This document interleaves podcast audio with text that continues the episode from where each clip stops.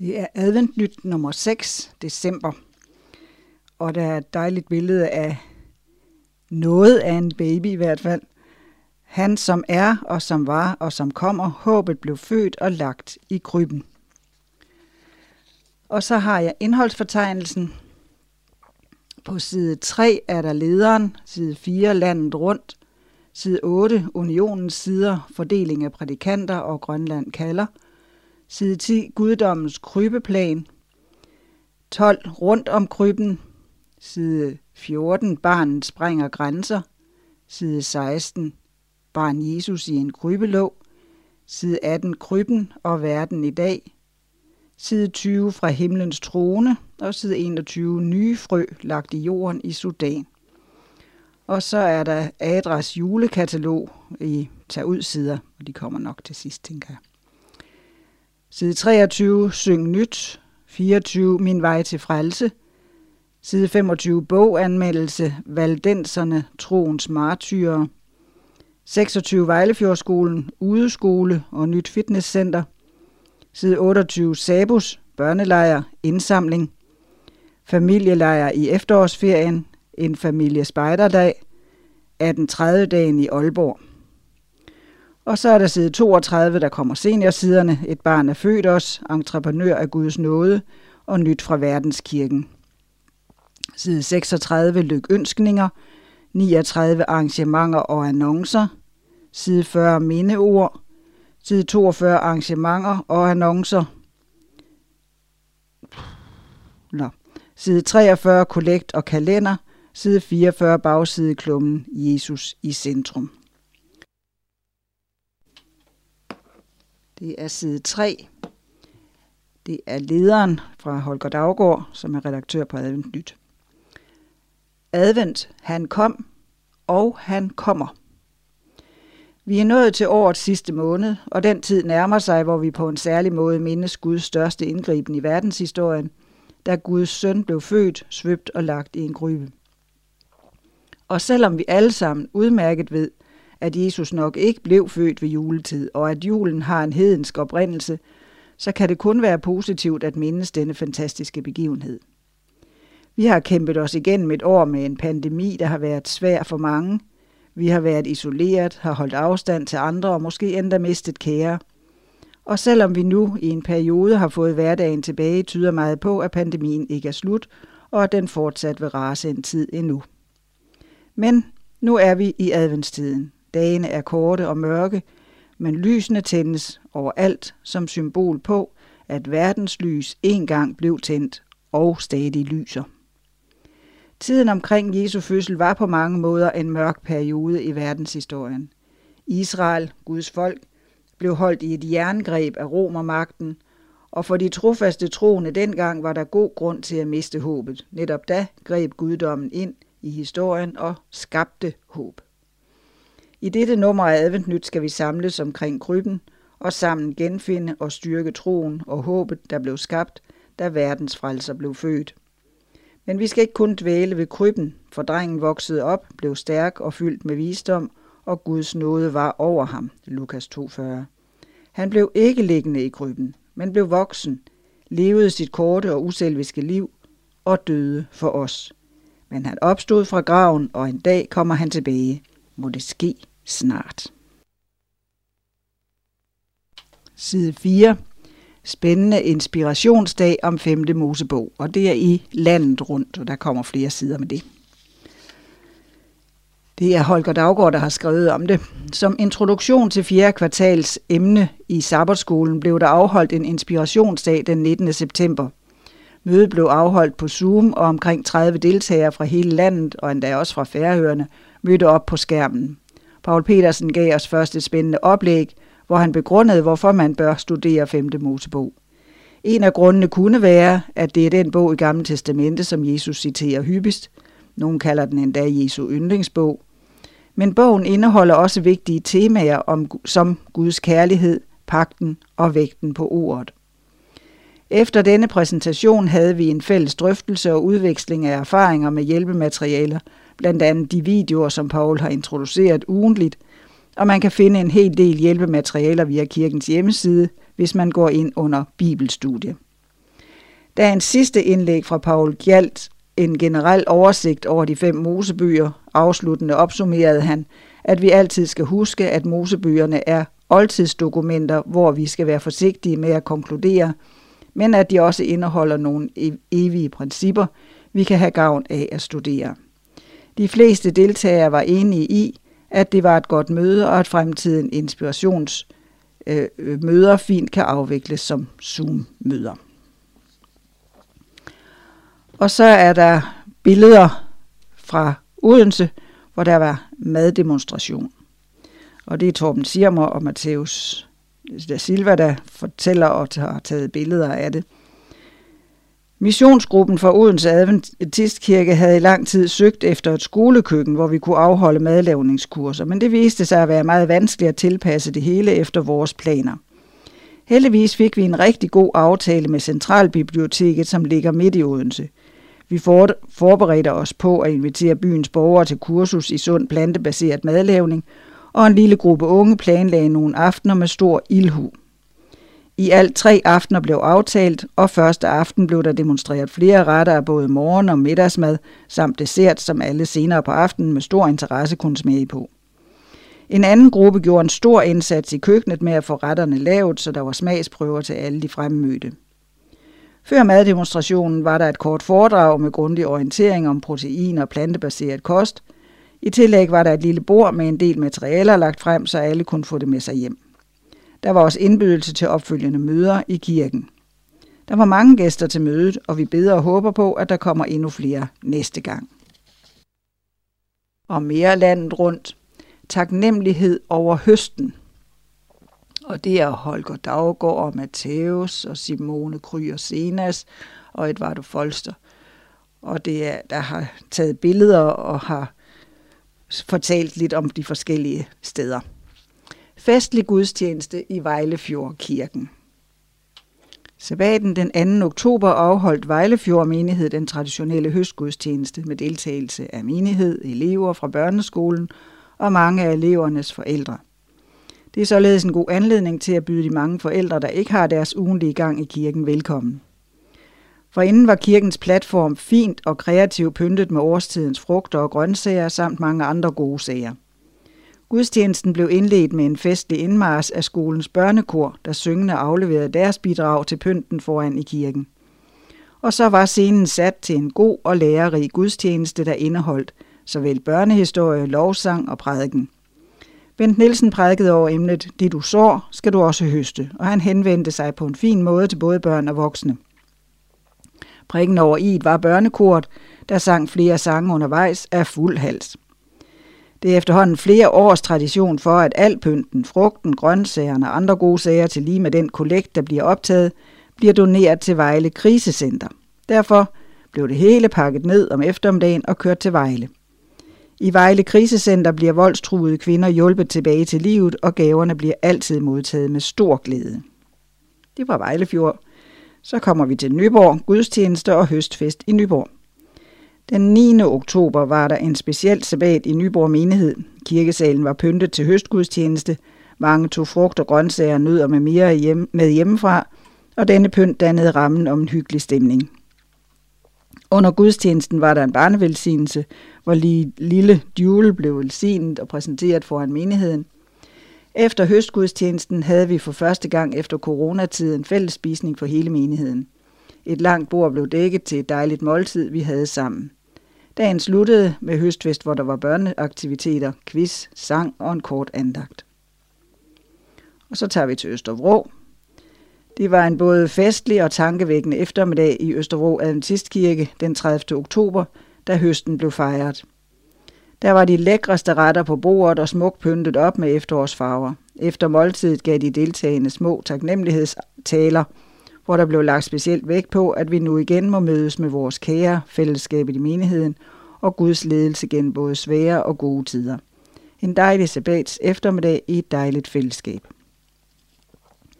Og så er der overskudsdeling i Vejle. Sabbaten den 9. oktober havde Vejle menighed høstgudstjeneste, hvor vi fik mulighed for at donere overskudsmad til folk, der havde behov for det. Det var en rigtig god mulighed for at udtrykke vores taknemmelighed – og opleve meningen med vores fællesskab at være Jesu leme i verden. Vi blev mindet om, at vi tror med vores krop. Børnene tog også del i denne gudstjeneste. Alle børnene kom op med forskellige madvarer, mens de sang dejlige børnesange. Vi fik meget mad at dele ud, og det skabte glæde hos dem, som fik. Tusind tak til alle, der tog del i denne takkegudstjeneste. Sikke en fest. Og så er der dejlige billeder af det også. Og lidt mere om Vejle Menighed, aktiviteter nemlig i Vejle Menighed. Det er Edvard Folster, der har skrevet det, og det er Michael Lundqvist, der har taget billedet. Aftenkirke. Efter en lang pause på grund af corona er Peter Larsens orkester igen i gang med Aftenkirke i Vejle Menighed. Vi nyder musik, sang og en lille andagt, hygge, søde sager til ganen og socialt samvær. Det foregår altid den første fredag i måneden kl. 19. Alle er velkommen til at være med til en fantastisk aften. Vi glæder os til at se dig. Så er der Creator Lab. Det er Vejle Menigheds initiativ til at inddrage børnene i menighedens liv på en konkret og sjov måde, der giver mening for de forskellige aldersgrupper. Vi er nu i gang med at planlægge forskellige aktiviteter igen efter coronapausen. Den 20. november laver børnene noget kreativt og dejligt i køkkenet. Og så har der været 125 års jubilæum i Aarhus, og det er Lasse Bæk, der har skrevet om det, og Thomas Møller, der har taget billedet. Aarhus Menighed fejrede 6. november 2021 et dobbeltjubilæum, både for menighedens stiftelse og for kirkebygningen. Menigheden blev stiftet for 125 år siden i november 1896 og bestod af en gruppe på omtrent 15 medlemmer. Umiddelbart efter stiftelsen af menigheden påbegyndtes den dansk-amerikanske evangelist John F. Hansen en offentlig kampagne i de første fem måneder af 1897. Kampagnen resulterede i, at 15 nye medlemmer kunne tilsluttes menigheden. I de næste årtier mødtes menigheden på forskellige adresser i byen, indtil man i 1917 anskaffede sig en stor centralt beliggende ejendom på Nørre Allé 30. Dette var et bygningskompleks med alsidige anvendelsesmuligheder, et rigtigt evangelisk center for byen. Dette sted dannede ramme for gudstjenester, konferenskontor, evangeliske møder, kolportage, lysbadeanstalt, menighedsskole, vegetarisk spisehjem, søndagsskole, korkoncerter og meget mere. For 50 år siden, i 1971, blev den nuværende kirkebygning indviet, og dermed havde man på en meget synlig adresse en flot kirkebygning med en tilhørende kontor, kontorfløj til Vestdansk Konferens. På jubilæumsdagen berettede Knud Svendsen om nogle erindringer, særligt om det, på det musikalske virke, der havde været i menigheden. Han kunne også belyse, hvordan det var gået til, at kirken fik et år af høj kvalitet. Preben Jalving fra Hasta havde stillet en udstilling op, som gav et fyldigt indblik i de mange aktiviteter, adventisterne har haft i de mange år i Aarhus. Om eftermiddagen, efter et lækkert middagsmåltid, fortalte Lasse Bæk om træk fra menighedens tidlige historie – og der blev under ordet frit delt erfaringer og givet hilsner. Må Gud hjælpe og lede til, at missionen i denne store by kan gå frem i de kommende år.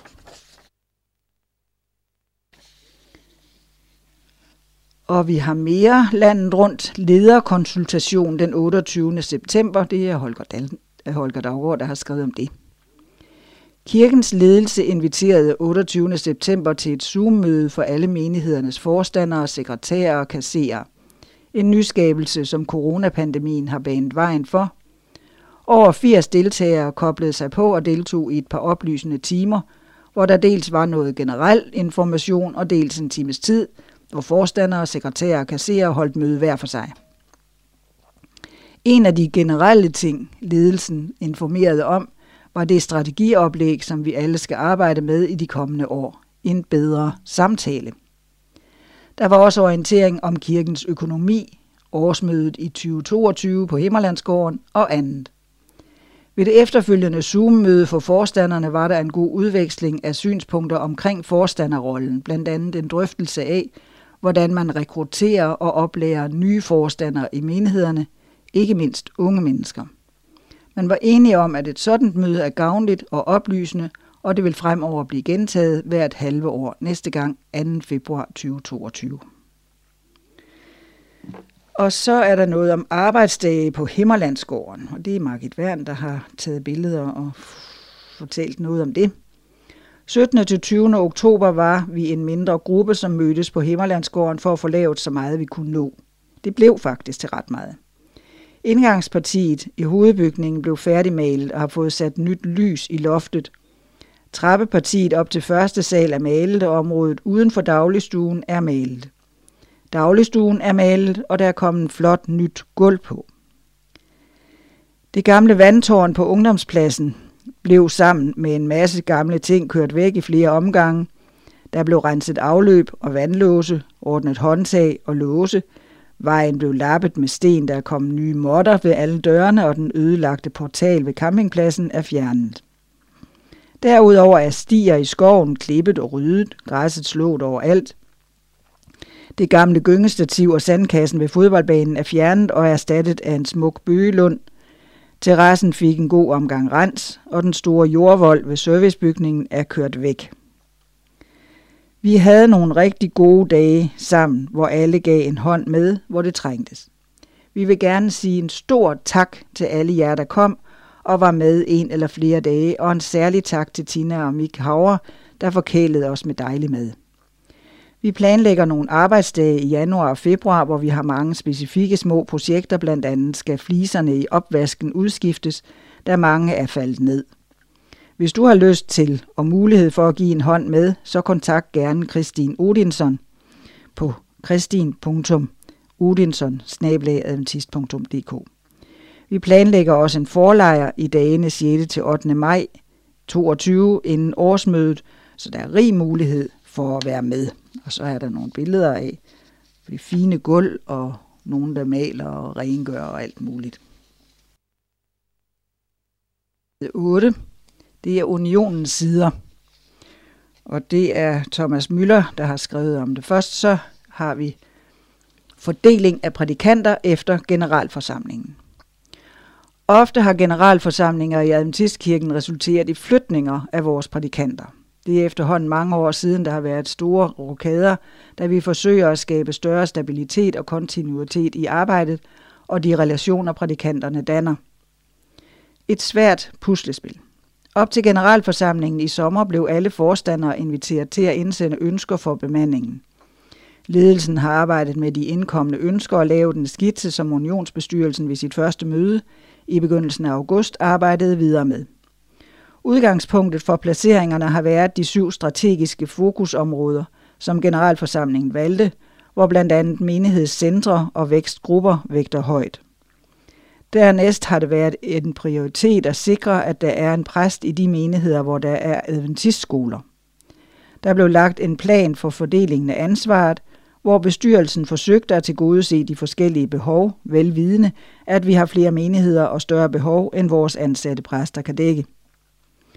Ledelsen fremlagde sit oplæg til prædikantfordelingen for den nye unionsbestyrelse, første gang de havde møde. Herefter blev en række prædikanter kontaktet. Desværre var der forhold, der gjorde, at den oprindelige plan ikke kunne gennemføres. Vi måtte derfor igen flere runder med justeringer og ændringer, og nu er vi kommet et skridt videre og har blandt andet fundet en løsning for vores internationale menighed i København, ICC. Ny præst ansat. Per 1. december er Alex Galindo ansat 50% til at være præst i ICC. Alex er fra Brasilien og har en BA i teologi fra et adventistuniversitet der. Han var i 2016 studentermissionær på Vejlefjordskolen. For to år siden fik han et legat fra Aarhus Universitet til at studere Europas religiøse rødder og har netop færdiggjort sin MA. Så er der bibelarbejder. I tillæg dertil har vi ansat Niklas Risager som bibelarbejder, i det han sammen med Flemming Petersen skal betjene menighederne i Aalborg og Vendsyssel.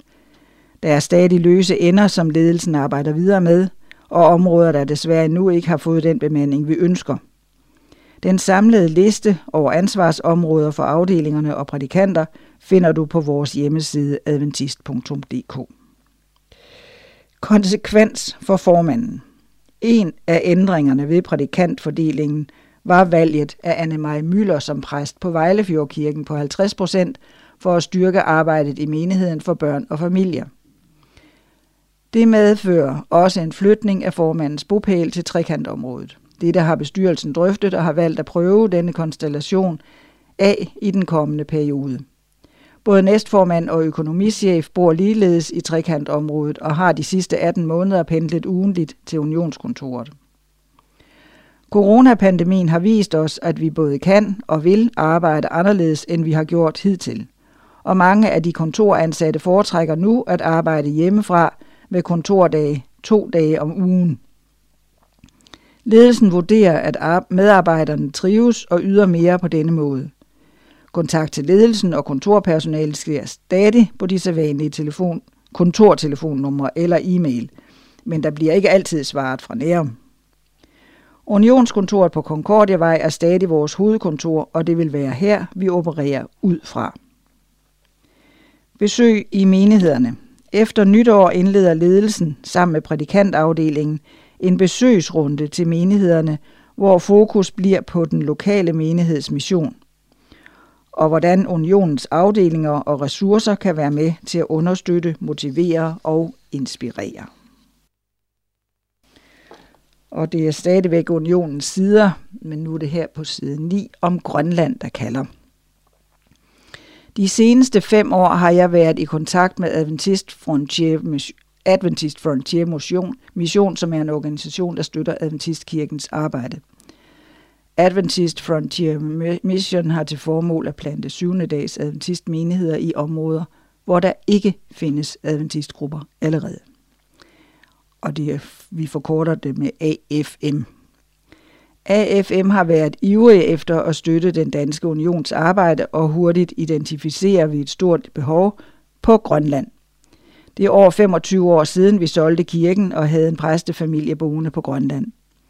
Jens Madsen og John Pedersen besøgte de efterfølgende år trofast Grønland i hjælpeaktionen. Der er stadig personer, som John holder kontakt til deroppe. De seneste år har Elisabeth Butenko brugt mange måneder på Grønland. Sidste sommer var hendes mand Tony også med, som vi har kunnet læse om i tidligere artikler i Adventnyt. Sammen med AFM er vi på udkig efter et missionærpar eller en missionærfamilie, der har lyst til at rejse til Grønland i en årrække for at etablere en adventist tilstedeværelse på Grønland. Den danske union har sammen med AFM udarbejdet en ansøgning til både divisionen og generalkonferencen, og den er blevet positivt modtaget med løfte om økonomisk støtte seks år frem. Derfor søger vi nogen, som er villige til at rejse til Grønland og arbejde med de behov, grønlænderne har. Gennem de sidste to sommers længerevarende besøg har Elisabeth og Tony hvor Elisabeth og Tony er gået fra dør til dør og tilbudt gratis litteratur, er det blevet tydeligt, at der er flere bydende behov.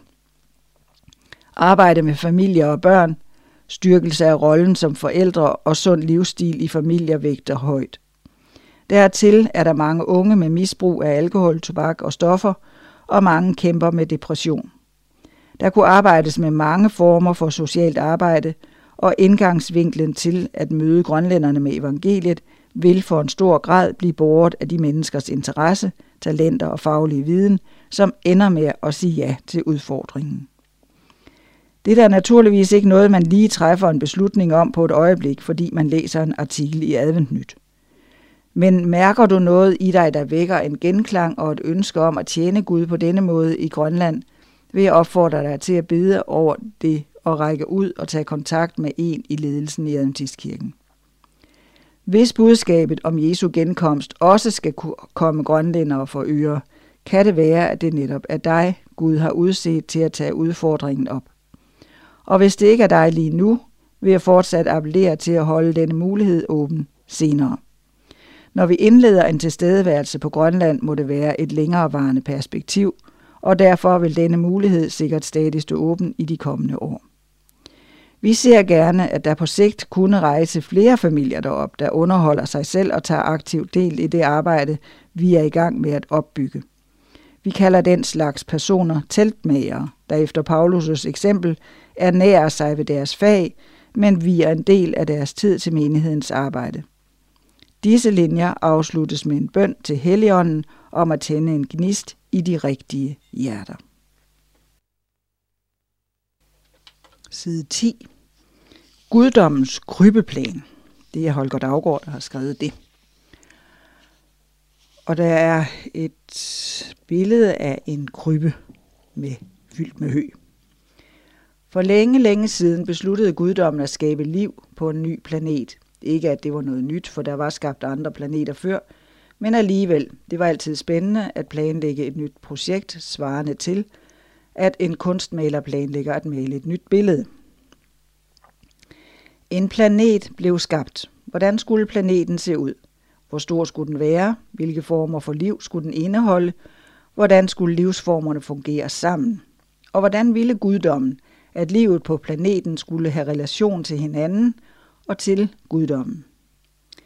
Mange spørgsmål skulle gennemgås og drøftes, for det var vigtigt, at resultatet blev perfekt. Den treenige Gud satte rammer for planetens skabelse. De fysiske rammer skulle først være til stede. Lys, luft, temperatur, forudsætningerne for liv. Dernæst kom planlægningen af de forskellige livsformer, planeten skulle indeholde. Og sidst, men ikke mindst, skulle der sættes ramme for relationerne mellem Gud og hans skaberværk. Da først planerne var lagt, kunne guddommen skride til handling. For en almægtig Gud var det den mindste del af arbejdet. I løbet af en uge var det klart. De første tre dage gik med de fysiske rammer, og de sidste tre med at skabe livsformerne, sidst af alt mennesket. Relationer. Den vanskeligste del af skabelsesprocessen var at skabe relationer. Relationer tager tid. Man skal være sammen, tale sammen, betro sig til hinanden, for at opnå at skabe tillid. Gud kunne naturligvis have frembragt robotter, der ikke kunne andet end adlyde og relatere til ham. Men da Gud havde besluttet at skabe selvstændige, tænkende mennesker, havde han allerede der begrænset sig selv i sin indflydelse. De nyskabte mennesker skulle selv beslutte, om de ville have tillid til deres skaber. En risikabel plan. Derfor havde guddommen lagt den plan, at en dag om ugen, sabbaten, den sidste dag i skabelsesugen, skulle anvendes på en særlig måde til at skabe og opretholde og udvikle fællesskabet med menneskene. Plan B.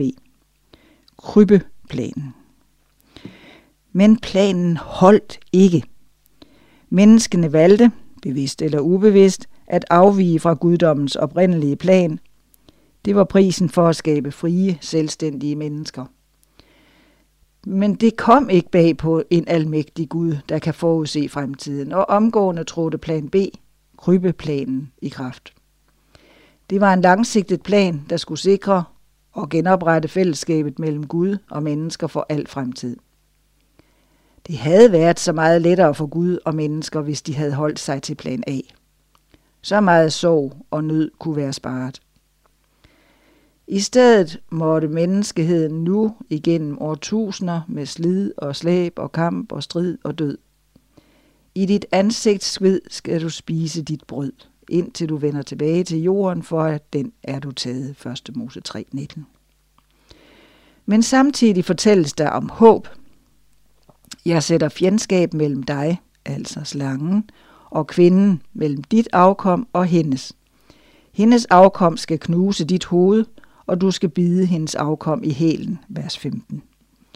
Med andre ord, den nye bedrøvelige tilstand skal ikke vare evigt. Gennem de årtusinder, der fulgte, skulle menneskeheden gennemgå en lang og sørgelig historie, men ikke uden lyspunkter. Ned gennem historien sørgede Gud for, at mennesker jævnligt fik glimt af hans plan B. Også evigheden har han lagt i deres hjerte, dog således, at menneskene hverken fatter det første eller det sidste af, hvad Gud har virket. Prædikerne 3.11 i 1931 oversættelsen. Dybt i alle mennesker ligger en længsel, et ønske om, at Gud findes, og at alting bliver godt en dag. Gud sender glimt i det enkelte menneskes liv, men også i større målestok. Han har påvirket særligt betroede mennesker til at udbrede kendskabet til ham igen og igen. Og så, som kronen på værket og klimaks for plan B, mødte han selv op. Mangfoldige gange og på mangfoldige måder har Gud i fortiden talt til fædrene gennem profeterne. Men nu, ved dagenes ende, har han talt til os gennem sin søn, hvem han har indsat som arving til alle ting – ved hvem han også har skabt verden. Hebræerne 1, 1 og 2. Men læg mærke til, hvordan guddommen valgte at gøre sin entré på denne planet. Som hersker, konge, almægtig Gud. I så fald ville alle straks have bøjet sig i støvet for universets herre, og der kommer en dag, hvor det vil ske, men nej, ikke denne gang. Han var og er universets skaber og herre, men han gav afkald på det, tog en tjeners skikkelse på og blev mennesker lig. Filipperne 2.7. Hvorfor en krybe? For nogle år siden havde DR1 en programserie med titlen Undercover Chef. Her optrådte chefer for forskellige virksomheder forklædt som almindelige medarbejdere i deres virksomhed, og de andre medarbejdere var ikke klar over hans virkelige identitet. Det gav chefen et særligt indblik i, hvordan hans medarbejderes hverdag var. Det var det, Gud gjorde, da Jesus blev sendt til jorden som et ganske almindeligt barn, født ind i en fattig familie. Ved at leve som menneske kunne ingen derefter beskylde Gud for, at han ikke kendte til menneskers elendighed. Men ikke nok med det. Jesus, menneskesøn og Guds søn, havde en mission, som kun kunne udføres ved, at han gav afkald på sin himmelske magt. Også til fred kom straf over ham, Esajas 53, 5 i 31 års ældst. Krybeplanens ene store formål var at frelse os, at genskabe harmoni på planeten og universet og vende tilbage til plan A. Side 12. Rundt om krybben. Ved juletid zoomer hele den kristne verden ind på en krybbe i en stald i Bethlehem, en krybbe med en lille, et lille nyfødt barn. Omkring krybben står en ung, nybagt jødisk mor, Maria, med sin gudfrygtige mand, Josef. De har netop været vidner til en mirakuløs guddommelig indgriben, som langt overstiger en menneskelig forventning. Og artiklen er skrevet af Leif Hansen, som er lægprædikant og medlem af Køge Menighed. Maria og Josef var i Bethlehem, fordi de var fra Judas stamme, og de skulle indskrive sig i den folketælling, som kejser Augustus havde befalet. Men de blev nok overrasket, da fødslen pludselig gik i gang, så de måtte indlogere sig i en stald. Den uventede graviditet. Optakten til denne fødsel var et uventet besøg af en engel, som fortalte Maria, at hun skulle blive med barn. Maria undrede sig for, hvordan kunne det ske, og englens forklaring var, Helligånden skal komme over dig, Lukas 1, 34 og 35. Og med Marias accept gik det sin gang. Det har nok ikke været let for Maria at fortælle Josef den uventede nyhed, at hun var gravid, før de var blevet gift, og gravid med hvem? Josef var en nobel og anstændig mand, så han ville lade sig skille i al stillhed. Han ville ikke udstille Maria med en offentlig skandale med udskamning eller stening for utroskab. Så ved at gå i stillhed udviste han kærlighed, nåde og omsorg for Maria. Men Josef fik også besøg af en engel, som gav ham mod til at tage Maria som sin hustru. Matthæus 1:20. Og som en handlingens mand gjorde han, som englen havde sagt, og tog Maria til sin hustru, og begge var de udvalgt af Gud og inddraget i Guds mission om et barn, som skulle komme til verden. Og begge stod de nu omkring krybben og beundrede det lille nyfødte barn. Hyrderne fra marken med samme nat kom men samme nat kom også nogle hyrder til stallen for at se barnet i krybben. De var sendt der til af en engel, som gav dem den glædelige nyhed om en frelser i Davids by. Et englekor havde holdt koncert og sunget til Guds pris. Oplevelsen og budskabet greb dem med frygt og turde de gå. For hvem var de, at de skulle have den mulighed? Og hvad ville de finde? Hyrder var betragtet som urene, ulærte og de laveste på den sociale rangstige. Men England forsikrede dem, at de ikke skulle gå til en overdådig hotelsuite eller guvernørens pragtvilla, men til en simpel stald. Og der ville de finde et barn, som var svøbt og lå i en krybbe. Lukas 2.12. Hyrderne var de første, som kom på besøg i stallen og så barnet i krybben. De fandt det sådan, som englen havde fortalt dem det, og overvældet af deres oplevelse fortalte de deres historie, og alle var forbløffede. Efter deres besøg hos Maria, Josef og det lille barn i krybben, priste og lovede de Gud for det, de havde set og hørt. De vise mænd fra Østerland. Nogle tid efter hyrdernes besøg fik Maria og Josef endnu et besøg. Det var nogle vise mænd fra Østerland. De havde rejst langt og fulgt en stjerne. Den ledte dem først til Jerusalem, og der sendte kong Herodes dem til Bethlehem i Judæa. Denne by var nemlig udpeget af nogle ypperste præster og skriftkloge som stedet, hvorfra en hersker skulle udgå. Mika 5.1. Da de vise mænd forlod Jerusalem, så de igen deres ledestjerne, som nu ledte dem til et hus i Bethlehem. Er vi gået forkert? Ville en konge blive født i en stald og lagt i en krybbe? Har vi taget fejl? De var dog det rigtige sted, for stjernen stansede ved huset, hvor de i stallen fandt et barn i en krybe. De vise mænd udviste tro på, at det barn, de fandt, var den konge, de søgte. Så de faldt ned og tilbad det. Og de frembar nogle værdifulde gaver, som var tiltænkt en nyfødt konge, guld, røgelse og myre. Gaver, som Josef og Maria måske aldrig havde set ført i deres liv. Rundt om krybben. Alle de, som var omkring krybben, var set af Gud. Maria, Josef, hyrderne og de vise mænd. Alle kom de til Bethlehem og så en messias i en krybbe. Hyrderne, de laveste i samfundets hierarki, og vismændene fra et hedensk land mod øst kom for at tilbede.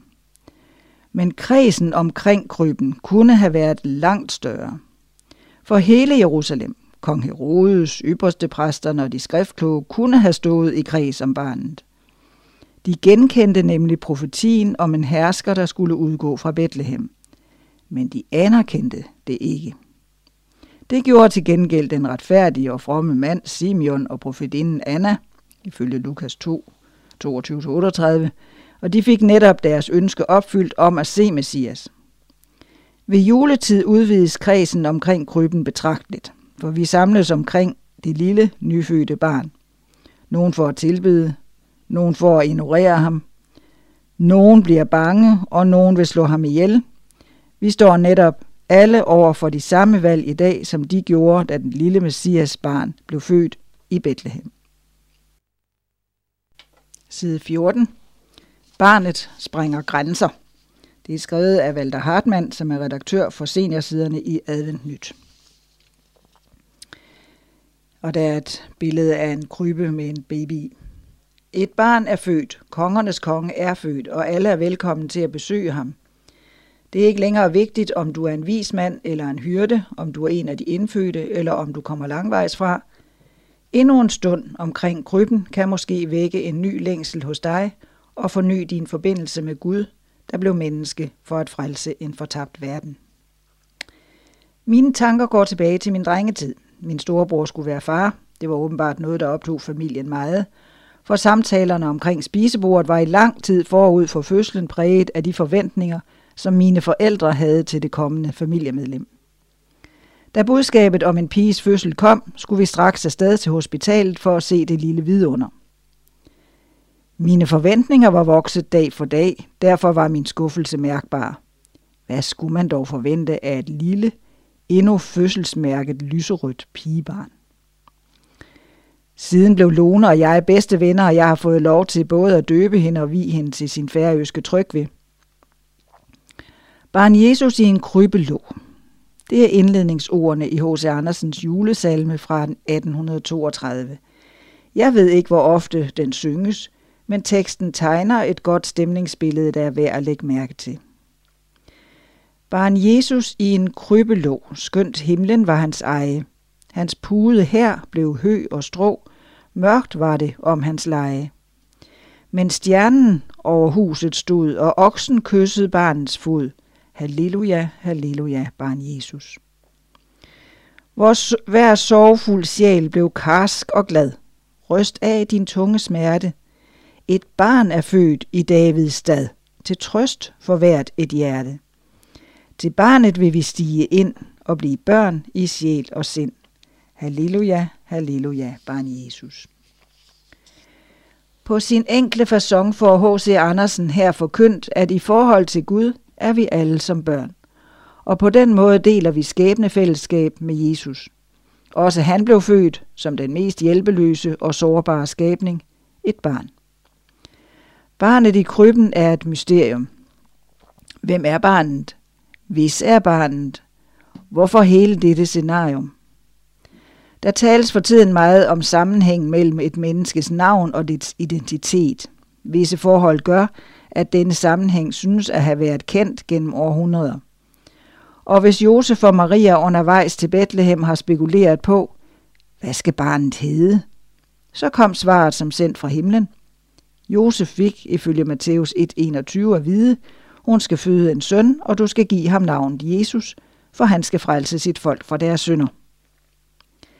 Da Matthæus beretter om beskeden til Josef, antydes det allerede, at når det kommer til forældreskab, så er svaret knap så enkelt.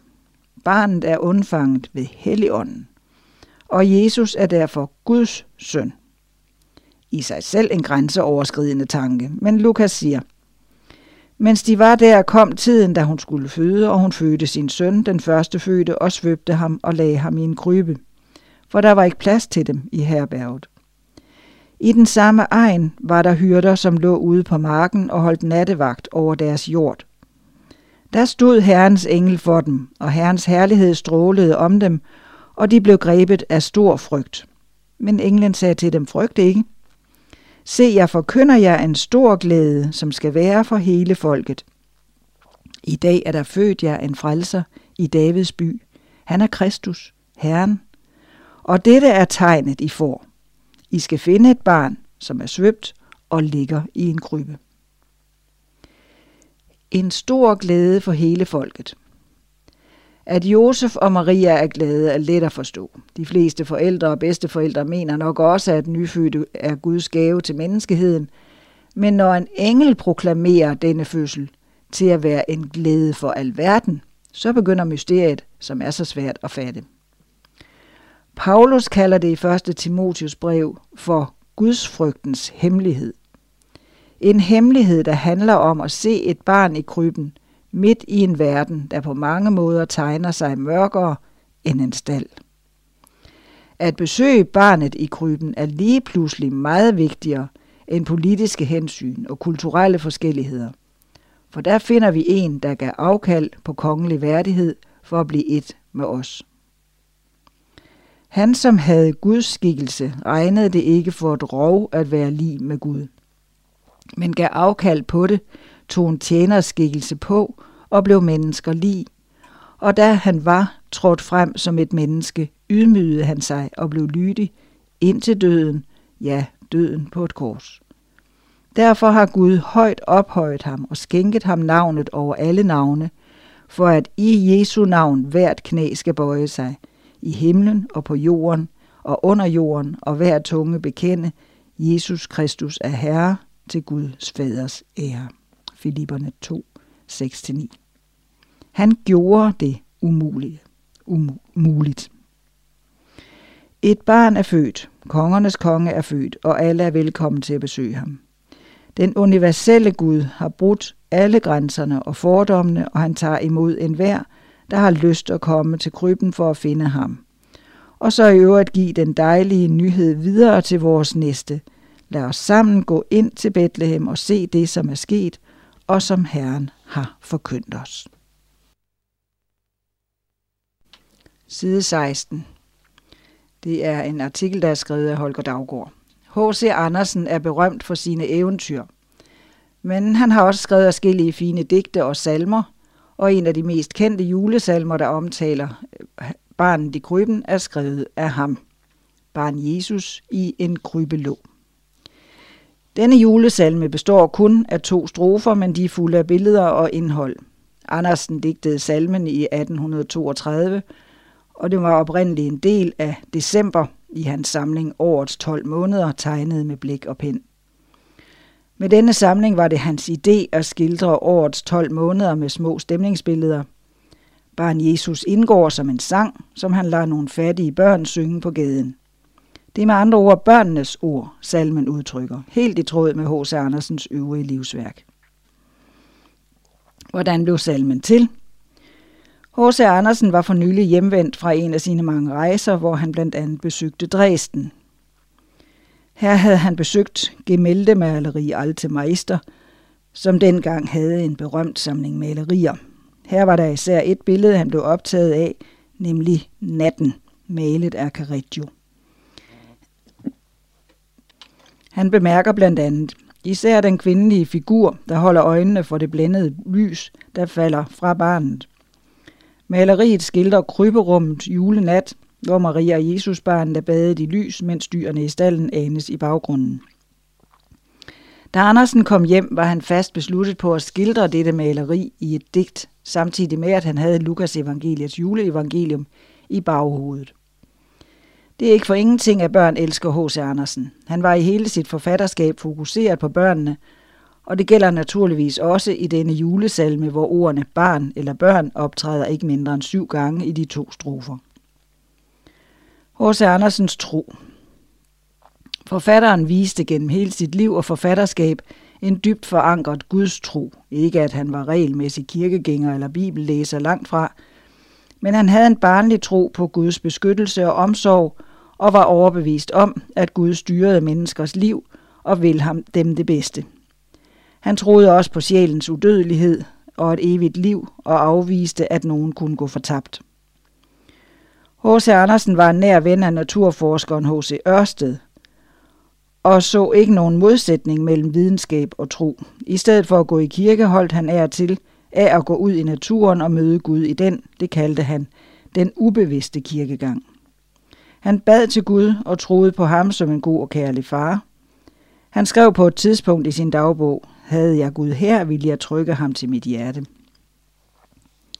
Barnetroen. Måske er det ikke så mærkeligt, at H.C. Andersen fokuserede så stærkt på børnene, når vi kender til hans egen enkle gudstro. Han skrev blandt andet i et digt, Jeg havde barnets stærke tro. For ham var det vigtigt at bevare barnet i sig. Han betragtede selve barnligheden som kernen i troen, måske inspireret af den beretning i det nye testamente, hvor Jesus klandrer disciplene for at forhindre børnene i at komme til ham og sige, og siger, lad de små børn komme være, I må ikke hindre dem i at komme til mig, for himmeriget er deres. Matthæus 19:13. Med denne baggrund kan vi følge budskabet i H.C. Andersens julesalme. Julebarnet, der ligger i krybben, er noget særligt. Han var Guds søn, der kom her til jorden. Himlen var hans eje, men hans pude her blev hø og strå, og selvom det var mørkt i stallen, lyste stjernen over huset som tegn på, at Gud var med. I anden strofe opfordrer digteren læseren til at glæde sig, ligesom englene på marken opfordrer hyrderne til det, for nu er Jesus barnet født til frelse for os, og hvis vi modtager ham som børn i sjæl og sind, er himmeriget os sikret. Og så har vi sangen, Barn Jesus i en krybelå, skønt himlen var hans eje. Hans pude her blev hø og strå, mørkt var det om hans leje. Men stjernen over huset stod, og oksen kyssede barnets fod. Halleluja, halleluja, barn Jesus. Hver sorgfuld sjæl blev karsk og glad. Røst af din tunge smerte. Et barn er født i Davids stad, til trøst for hvert et hjerte. Til barnet vil vi stige ind og blive børn i sjæl og sind. Halleluja, halleluja, barn Jesus. Side 18. Der var ikke noget fødeleje. Ikke noget badekar eller en sækkestol, der kunne gøre timerne tålelige. Ingen afsprittede overflader og ingen rolig musik. Og alligevel blev han født, den lille baby, Jesus Kristus, verdens frelser. Og artiklen hedder Krybben og verden i dag, og er skrevet af Flemming Pedersen, der er præst for menighederne i Jøring, Østerbro og Aalborg. Der er langt fra Christiansgade i Aalborg, hvor jeg bor, til Krybben i Bethlehem – Historien om baby Jesus i krybben er et lysglimt i en verden præget af undertrykkelse, religiøs kontrol og kønslige tabuer. Det er beretningen om, hvordan Gud giver håb til de fattige, og hvordan et ændret menneskesyn tog sin spæde begyndelse i landlige omgivelser. Det er begyndelseshistorien for så mange ting, vi tager for givet i dag. Allerede to måneder før jul bliver julepynten gjort klar i Aalborg, og elektrikerne er sikret arbejde med at forbinde de mange lys med elnettet.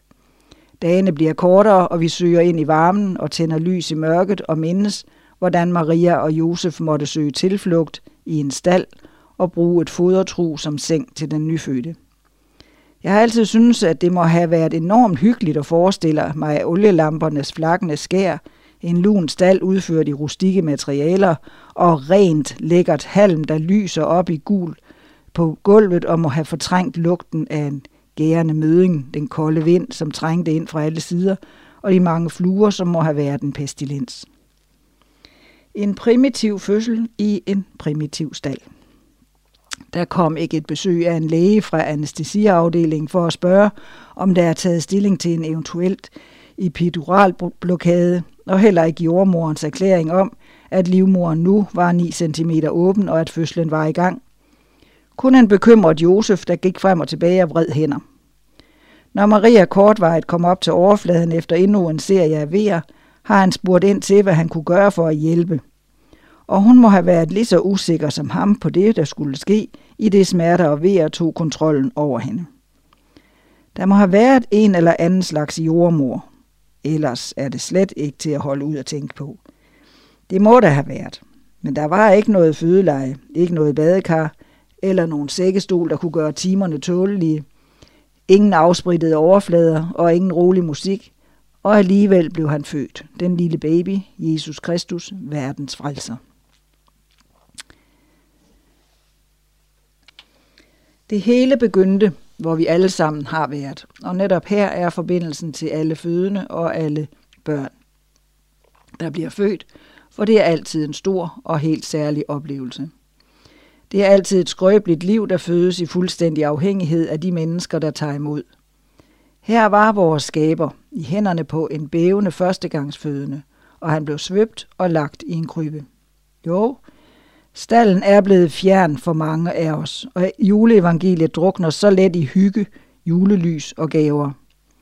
Men fødslens mirakel, forældreskabets udfordringer og de håb og drømme, som følger den nyfødte, genoplever vi igen og igen. Og er man selv forældre, så har man mærket det kæmpe ansvar, de usikre skridt, man tager i det, man gør sit bedste for at tage sig af det skrøbelige liv, man har fået betroet. Og man spørger sig selv, hvad nu hvis barnet er født under andre omstændigheder, uden nogen med kærlighed at give, hvor kulde, sult og fare satte omstændighederne. Og vi kan gyse ved tanken om de forhold forældre i Yemen eller Syrien står med. Sikkerhed i usikkerhed. Det var netop politisk urolige tider, der bragte Maria og Josef til Bethlehem. Det var fattige kår, og måske også manglende erfaring, der havde bragt dem til en stald. Men det var Gud fader, der havde sat tidspunktet, og det var Helligånden, der havde plantet barnet i Marias liv. Og alt sammen, fordi den fromme Maria havde sagt, se, jeg er Herrens tjenerinde, lad det ske mig efter dit ord og Josef havde taget hende til sig, selvom hun var gravid.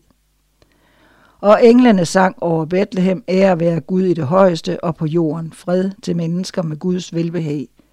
Og det vagte undren og eftertænksomhed blandt hyrderne.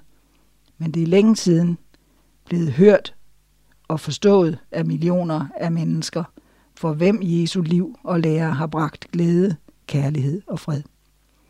Og til os i dag giver det så meget mening, at Jesus blev født dengang. At han trådte ind i vores verden ved en fødsel i en fattig stald under usikre omstændigheder. At han trådte ind i vores liv og delte vores vilkår, hvad enten det er en lejlighed på Frederiksberg eller i et skur i Bangladesh. I den krybe fødtes det håb, som siger os, at intet menneske er betydningsløst, og ingen omstændighed er uden for Guds opmærksomhed. Han sender os i dag engle og mennesker ud for at forkynde sin fred til alle mennesker overalt. Side 20.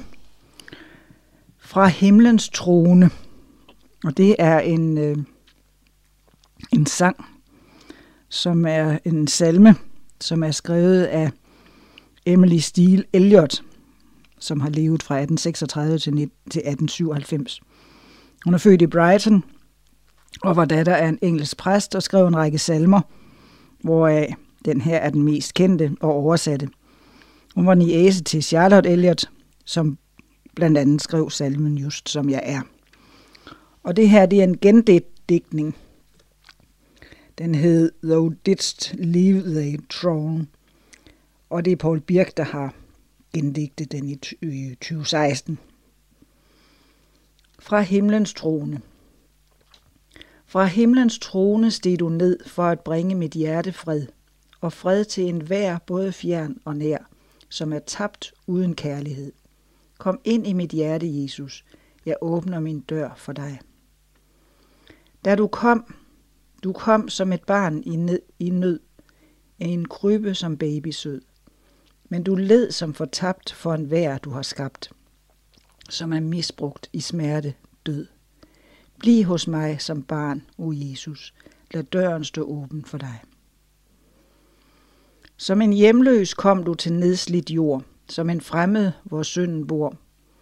Som uindbudt gæst til vor overflodsfest, for at frelse en vær, som tror.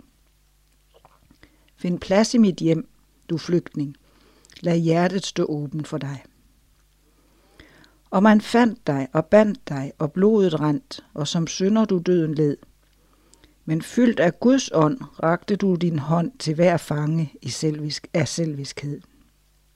Kom, løs mine bånd, min frelser, fyld livet med kærlighed. Op fra dødens mørke du også kom, hvor du lå, er graven tom. Du hører hver bøn, jeg beder i løn i himlens helligdom. Vær nær med din ånd, o Jesus. Kom konge og præst i mit hjem. Men en dag du kommer til os på ny, som befrier på himmelsky, og som Gud du bor på et fredfuldt jord i Jerusalem, det ny, hvor porten står evigt åben, og vi har vort hjem hos dig. Side 21. Det er nye frø lagt i jorden i Sudan. Det er Maria Lykke Andersen, som er kommunikationsmedarbejder i Adra Danmark, som har skrevet om det. Danskere donerede sidste jul så mange frøgaver til Sudan, at Adra kunne uddele poser med såsæd til 392 familier.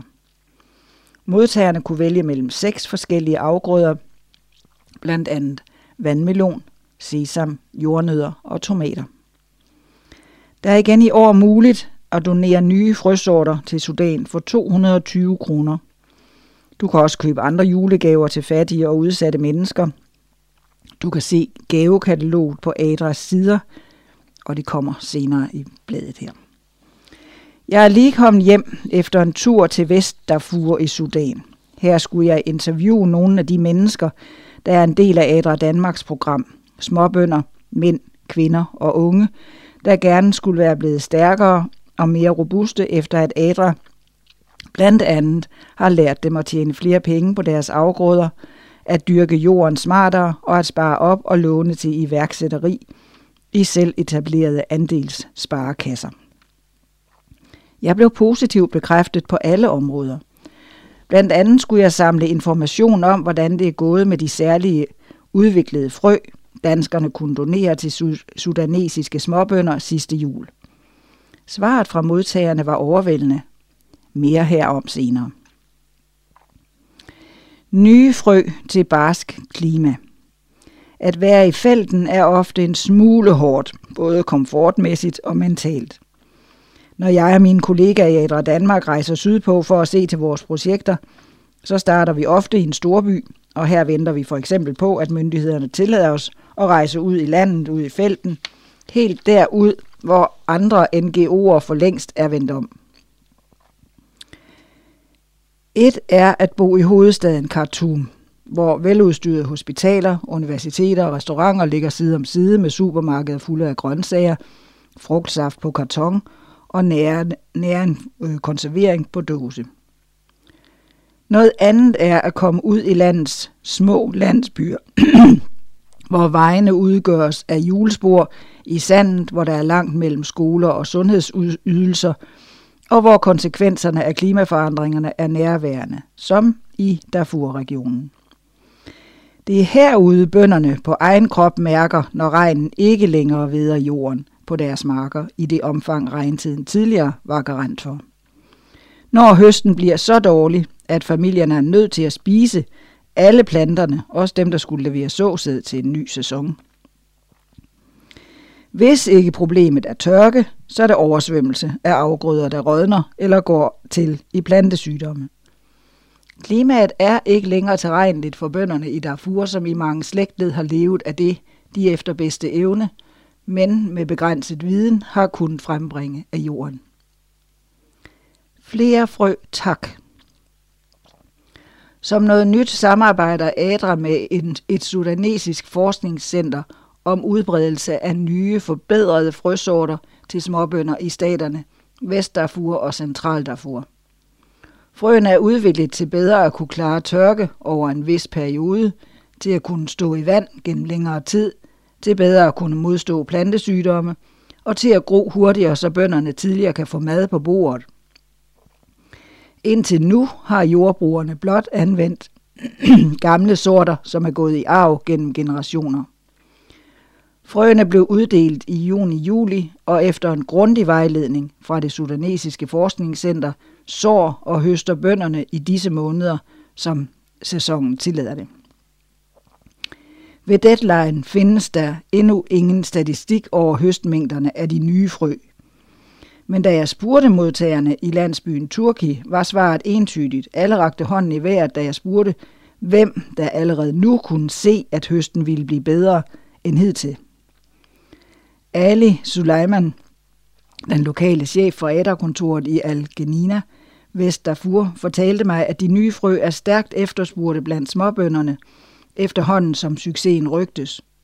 Han håber, at danskerne igen i år vil give det lille, men hårdt tiltrængte skub, som borgerne i Darfur har brug for. Jo flere af de nye frø, der kommer i omløb, des flere mennesker vil få glæde af den nye såsæd fra afgrøderne, og således bliver projektet bæredygtigt. Og så er der et billede af nogen, og det er nok Monera Safir Abdul Karim, som er en af de kvinder, som modtog en frø julegave. Der sidder meget større jordnødder på planterne af de nye frø. Kvaliteten er bedre, og jeg regner med at kunne høste 10 sække mere end forrige høst, hvilket svarer til ca. 1.750 kroner. Indkomsten vil jeg bruge til skoleudgifter for mine børn, medicin, mad og investeringer i bedre opbevaring af min høst. Oven i købet regner jeg med at kunne gemme nok af den nye såsæd til at kunne udnytte hele mit jordstykke i næste dyrkningssæson.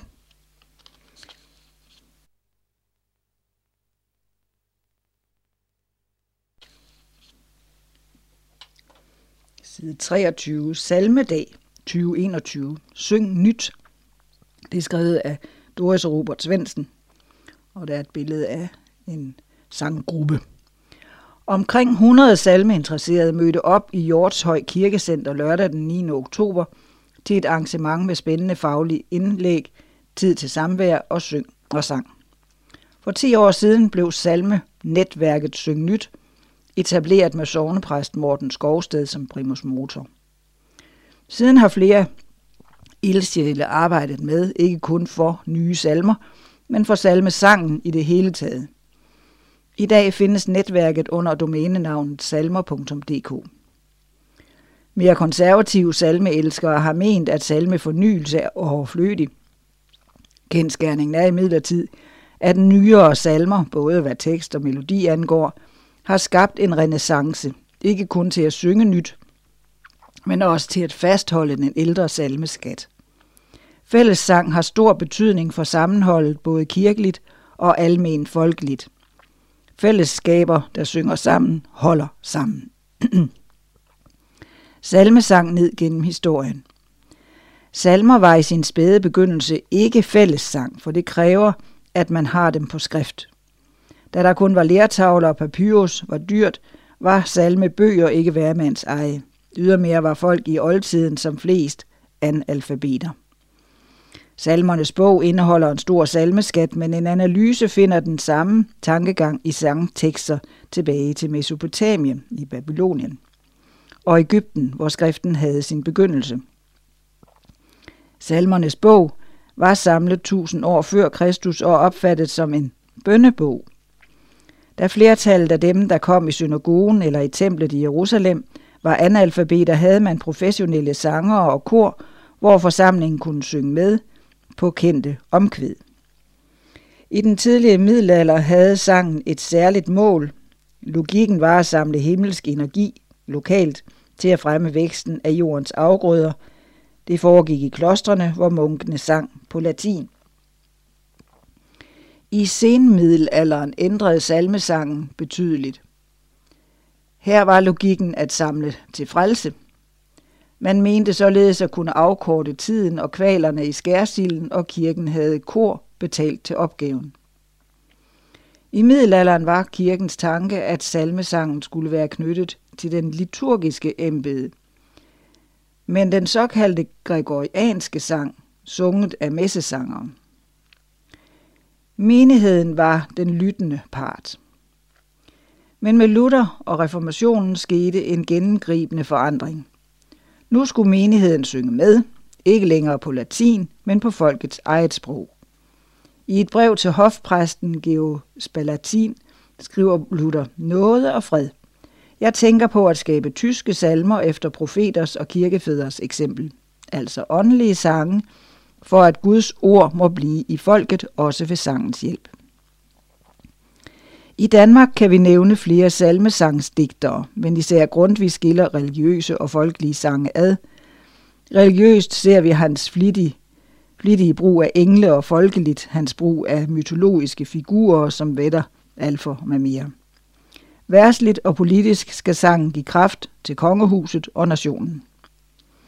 I det 20. århundrede er der kommet en fornyet opblomstring af salmesangen. Talrige er de salmedigtere og komponister, der prøver at genfortrylle tunge, uinspirerede salmer, og også inspireres til nye salmetekster og melodier.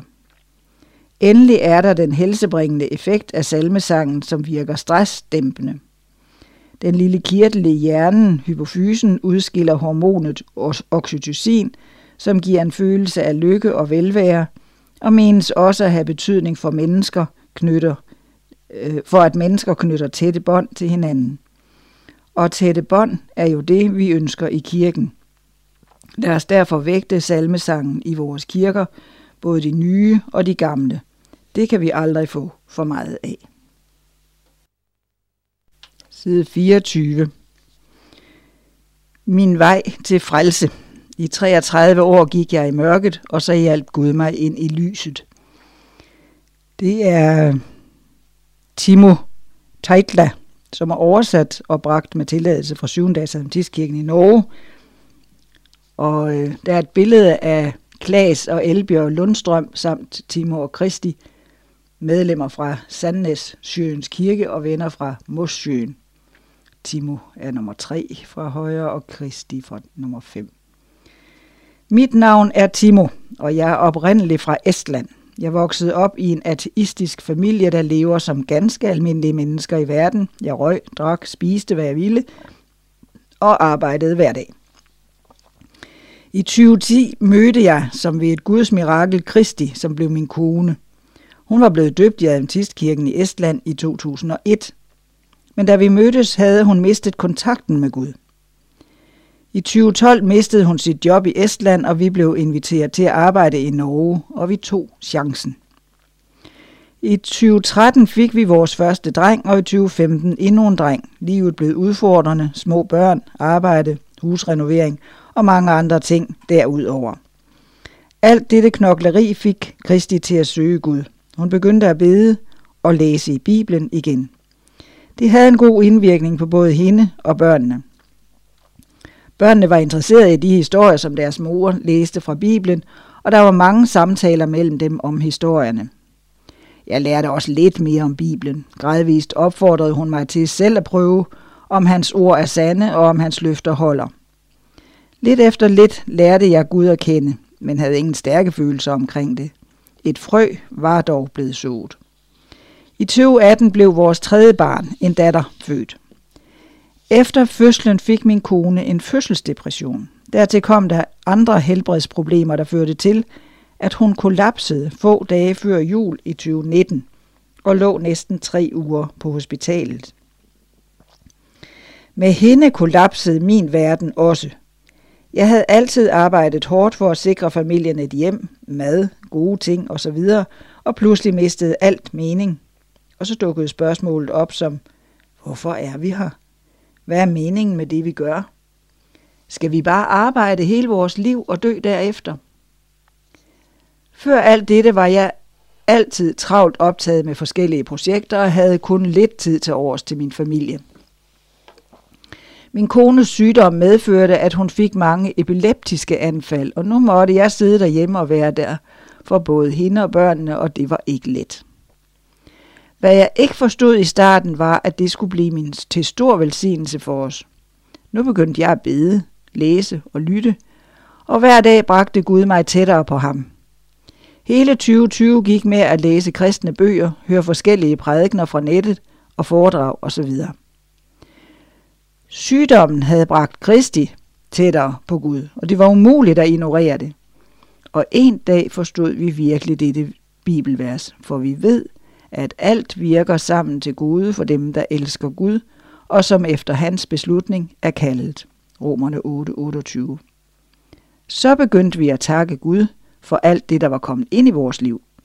Selvom det lyder forfærdeligt, og jeg må indrømme, at vi ikke forstår, forstår Guds veje, er der én ting, jeg ved nu, nemlig at hans vej er den bedste for os. I begyndelsen af 2021 begyndte jeg at tænke på dåb. Selvom vi havde haft mange oplevelser med Gud og mange velsignelser, havde jeg stadig nogle betingelser til ham. Jeg havde ting, han skulle ordne for mig, før jeg skulle løbes.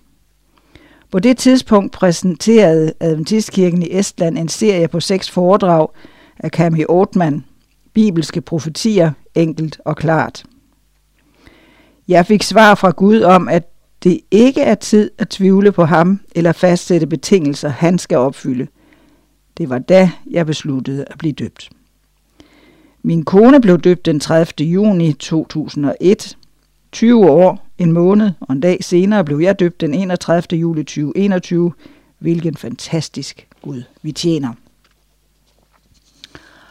Og så har vi et mindesmærke i bogform, Valdenserne, troens martyr. Det er en ny bog, som Richard Müller har skrevet. Mange adventister kender til valdenserne.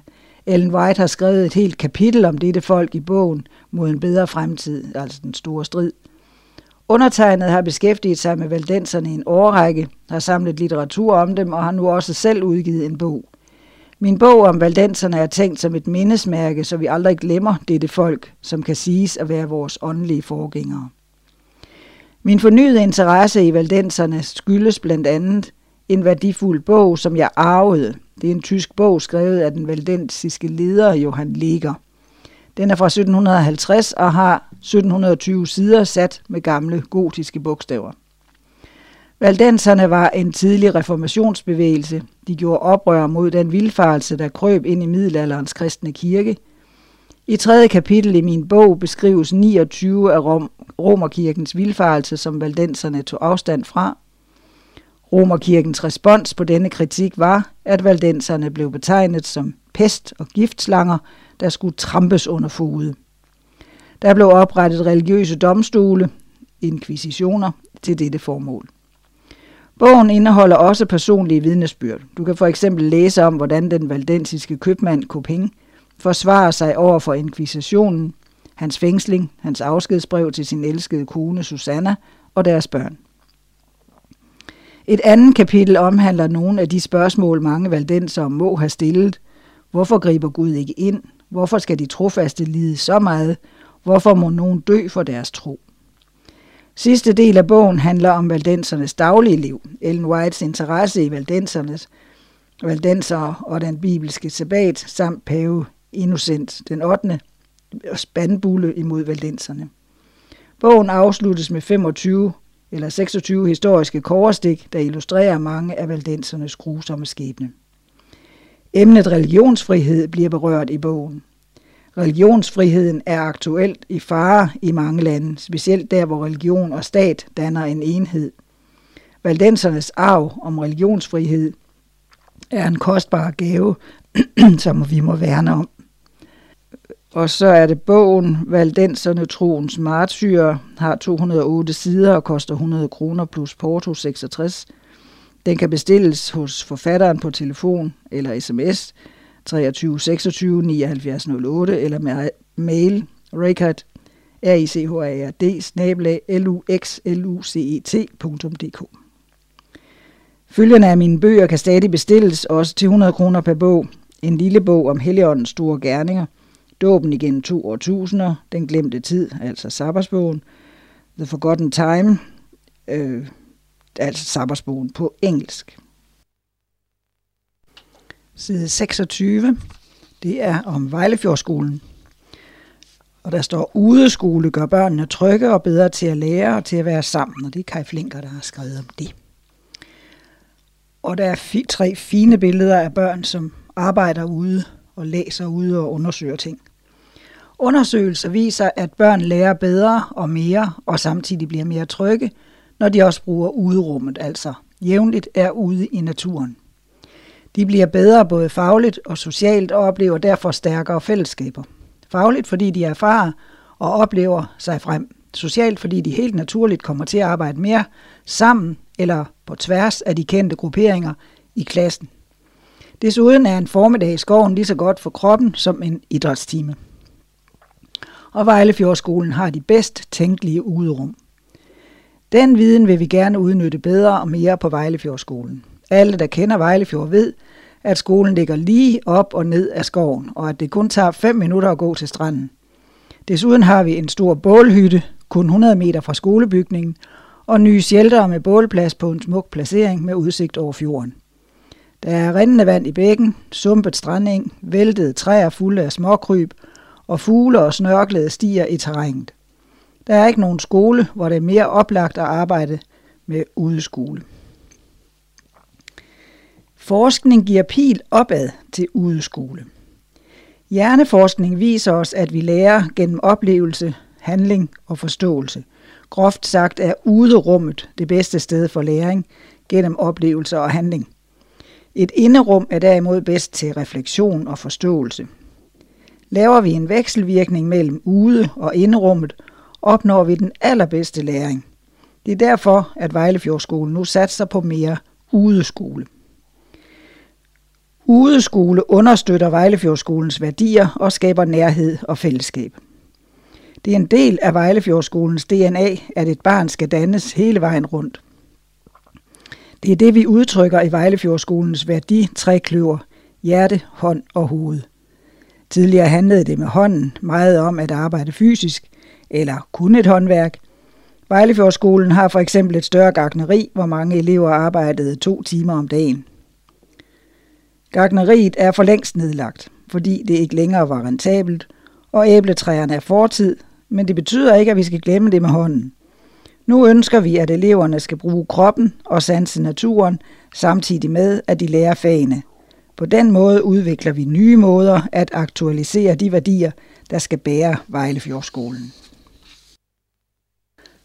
Og så er der kommet et nyt forbedret fitnesscenter. Og der er også billeder derfra. Det er i den gamle gymnastiksal, kan jeg se. Og det er Holger Daggaard, der har skrevet om det. For en del år siden gjorde en stor donation og nogle engagerede elever og lærere det muligt at indrette et moderne og veludstyret fitnesscenter i den gamle gymnastiksal på Vejlefjordskolen. En lang række lettere brugte finans, øh, fitnessmaskiner blev doneret til en yderst favorabel pris af Paul Erik Hyldal, der selv er tidligere elev på skolen. Fitnesscenteret har siden da været benyttet flittigt af skolens elever, og det har været et stort plus for skolen. Hver gang vi har rundvisning for nye elever og kommer til fitnesscenteret, oplever vi, at de er vildt imponeret over det størrelse og muligheder. Men alting bliver slidt. Og trods jævnlige eftersyn af maskinerne, blev det til sidst behov for en tiltrængt fornyelse af en del af dem. Samtidig med indkøb af nye maskiner, blev det også endelig muligt at etablere den klatrevæg, som skolen for snart en del år siden har fået foræret greb til. Det betyder, at den gamle scene og dåbsbassinet i enden af rummet måtte rives ned, så der kunne blive plads til klatrevæggen på denne endevæg. Resultatet er et nyt, attraktivt fitnesscenter med nye maskiner og udvidede faciliteter. Side 28. Det er Sabus-siderne. Og det er Dorte Tyrgod Svendsen, der har skrevet det, og så er det det første her, er det Gry Appel, som har lavet billeder. Det er nemlig børnelejrindsamling. På børnelejren i år samlede vi som altid kollekt ind ved gudstjenesten. Mange børn har allerede hjemmefra en aftale med deres forældre om, at en del af de lommepenge, som de har med, skal gå til kollekt. Andre har ikke ligefrem planlagt at skulle give nogen af deres lommepenge væk, uden at deres snoller eller godter i den anden ende. I år var det dog meget rørende at se, hvordan ungerne pludselig løb afsted for at hente nogle få kontanter og gladeligt give dem til et rigtig godt formål. Gry og James Apple har i mange år gjort et kæmpemæssigt stykke arbejde med at hjælpe andre i Afrika. Mange børn og unge passerer igennem deres operationsstue og har lange ophold på deres hospital. Vi ønskede derfor at samle penge sammen til, at disse børn kunne få en lidt sjovere genoptræning. Pengene er brugt til fodbolde, malebøger, farvekridt og læsebøger. Og der er flere bolde på vej. Og på trods af det er der stadig flere penge tilbage. Gry skrev til mig, kunne jeg bruge noget på en gang at betale for et barns operation, hvis forældrene ikke har råd? Jeg bliver helt rørt bare ved tanken, for hvem ville ikke elske at kunne være med til at gøre så stor en forskel for et barn? Vi er meget taknemmelige for alle de børns bidrag, som vi har kunnet sende afsted til de afrikanske børn.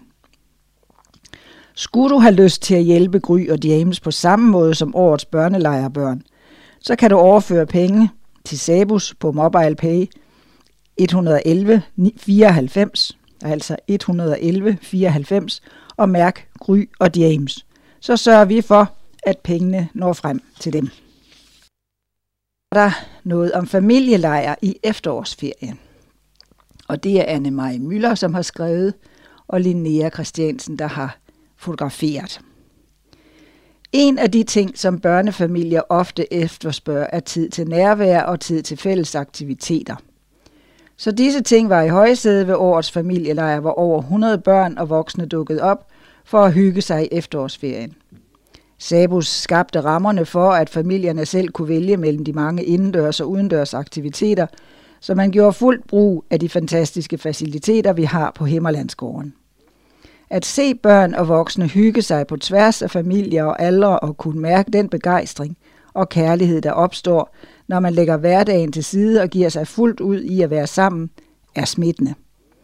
At se familier stille op og holde hyggelige familieandagter foran de andre familier er inspirerende og høre den livlige summen, når de beder sammen i familien. De voksne fik to gange i løbet af lejren mulighed for at lytte til givende oplæg af dygtige foredragsholdere, omhandlende nærvær i familien og lær at balancere følelser i ubalanceret verden. Men det bedste forståelse, den bedste forståelse af, hvor skøn en familieleje er, får man først, når man selv oplever den.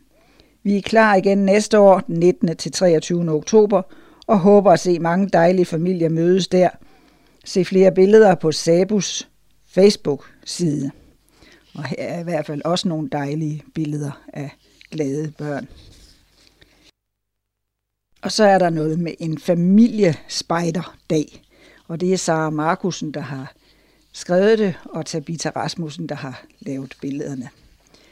Bilen standser, og ungerne hopper ud af bilen. I deres termotøj og gummistøvler, for jorden er lidt mudret. Og de første efterårsblade er allerede begyndt at dale ned fra træerne. Vi kan allerede høre børnestemmer lidt længere nede af skovstien, som vi følger, og kommer til en lille lysning i skoven med shelter på højre side og bålplads lige ude foran. Bord og bænke er der også, og en hel masse kendte og glade ansigter hilser os velkommen. Tabitha lægger hånd på det sidste, tænder bål, og så bliver der sunget et par sange til lyden af Joachims guitar. Efterfølgende deler vi os op i grupper af to familier og går på opdagelse i skovbunden, følger spor, farvede sten, og finder forskellige dyr. Det første dyr, vi finder, er et egern på et stykke lamineret papir. Vi læser lidt om egernet og dets egenskaber for derefter at blive kastet ud i en lille udfordring, at finde ud af, hvor god vores balanceevne egentlig er. Børnene får lov at balancere hen over et par gamle træstammer uden at røre jorden. De mindste får en lille hånd at støtte sig til og klare udfordringen som ægte små egern. På vores skovsporløb møder vi blandt andet rådyr, grævling, odder og rev med dertil hørende aktiviteter. Derefter mødes alle familier henne ved bålet igen, hvor børnene får en lille snack, mens Tabitha fortæller en lille historie om en bjørn, der er lidt sur, men som til sidst bliver overrasket af sine venner og selvfølgelig bliver glad igen. Afslutningsvis synger vi altid Friday, når du går og beder fader vor i kor. Nogle af familierne bliver hængende til en hyggelig snak over en god kop kaffe, mens ungerne går på opdagelse i skovkanten, finder pinde med mere. Da vi kommer hjem, spørger Karl, mor, hvornår skal vi til familiespejder igen? Om en måned, skat. Og så er der noget om 1830-dagen i Aalborg. Det er Mikkel Jalving, der har skrevet det, og det er Dorte, der har taget billeder. 1830-weekenden i Aalborg havde været under opsejling længe, eftersom den blev planlagt at skulle finde sted i 2019. Bare en enkelt weekend efter, at Danmark gik ind i første lockdown. Derfor var det fantastisk at se, at mere end 40 unge mennesker fandt vej til Betelkirken i Aalborg lørdag den 2. oktober. Weekenden blev skudt i gang fredag aften med aftensmad i Adventistkirken, efterfulgt af lovsang og andagt. Sabbaten fandt sted cirka 200 meter nede ad vejen fra Adventkirken, hvor du finder Betelkirken, som baptisterne i Aalborg flere gange har været venlige at låne ud til os. Her er der lagt op til en dag med lovsang, diskussion, dialog og dybe samtaler omkring emnerne mission i hverdagen og fordømmelse i kirken. Taleren var amerikaneren Sam Leonor, som desværre ikke kunne mødes med os fysisk, men som startede formiddagens samtale med et videoklip. Derefter var han med os live over Zoom om eftermiddagen. Takket være et fantastisk teknikteam forløb det hele gnidningsfrit, og samt deltagelse var berigende, inspirerende og lærerigt for deltagerne. Sam var selv helt overrasket over, så godt det fungerede at være sammen online.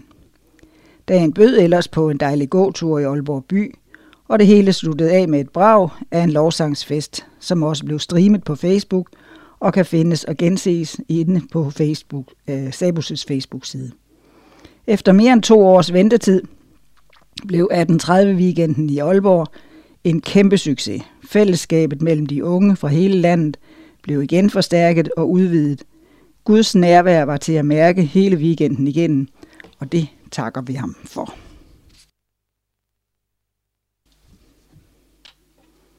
Side 32. I denne tid mindes vi Jesu fødsel, og allerede lige efter syndefaldet blev løftet om hans fødsel givet til Adam. Adam forventede ikke, at der skulle gå så mange år, men da tiden var inde, skete det. I de dage blev en frelser født. Det er på seniorsiderne, vi er kommet her, og der er Lennart Falk, der har skrevet den her. Et barn er født os. For os, der lever i dag, kom coronaen næsten som endnu et syndefald. Hverdagen mistede sin uskyld i coronans overgreb, syndens konsekvenser, isolation, ensomhed, sygdom, død og elendighed, indhøllede kloden på en ny måde, og verden bliver aldrig igen som før covid-19. Men Jesus kom, kærligheden kom, og med kærligheden den indre fred og lykke. Tænk, at vi en dag skal opleve kærligheden fuldt ud, og ikke som nu kun stykkevis og delt som i et spejl. Indtil da er det vores opgave at forsøge at lindre syndens konsekvenser, både dem, som Adam var direkte ansvarlig for, og dem efter covid-19. Det kan ske gennem vaccination, personlig hygiejne og omsorg for andre osv. Kærligheden og omsorgen for næsten kom til jorden med barnet. I oktober mødtes nogle af os i Rom og glædede os over fællesskabet og de ophævede restriktioner. Vi mindedes kristendommens forkæmpere og den verden, de levede i. I november mødtes vi på Severin til gensidig opmuntring og opbyggelse og planlægning for fremtiden.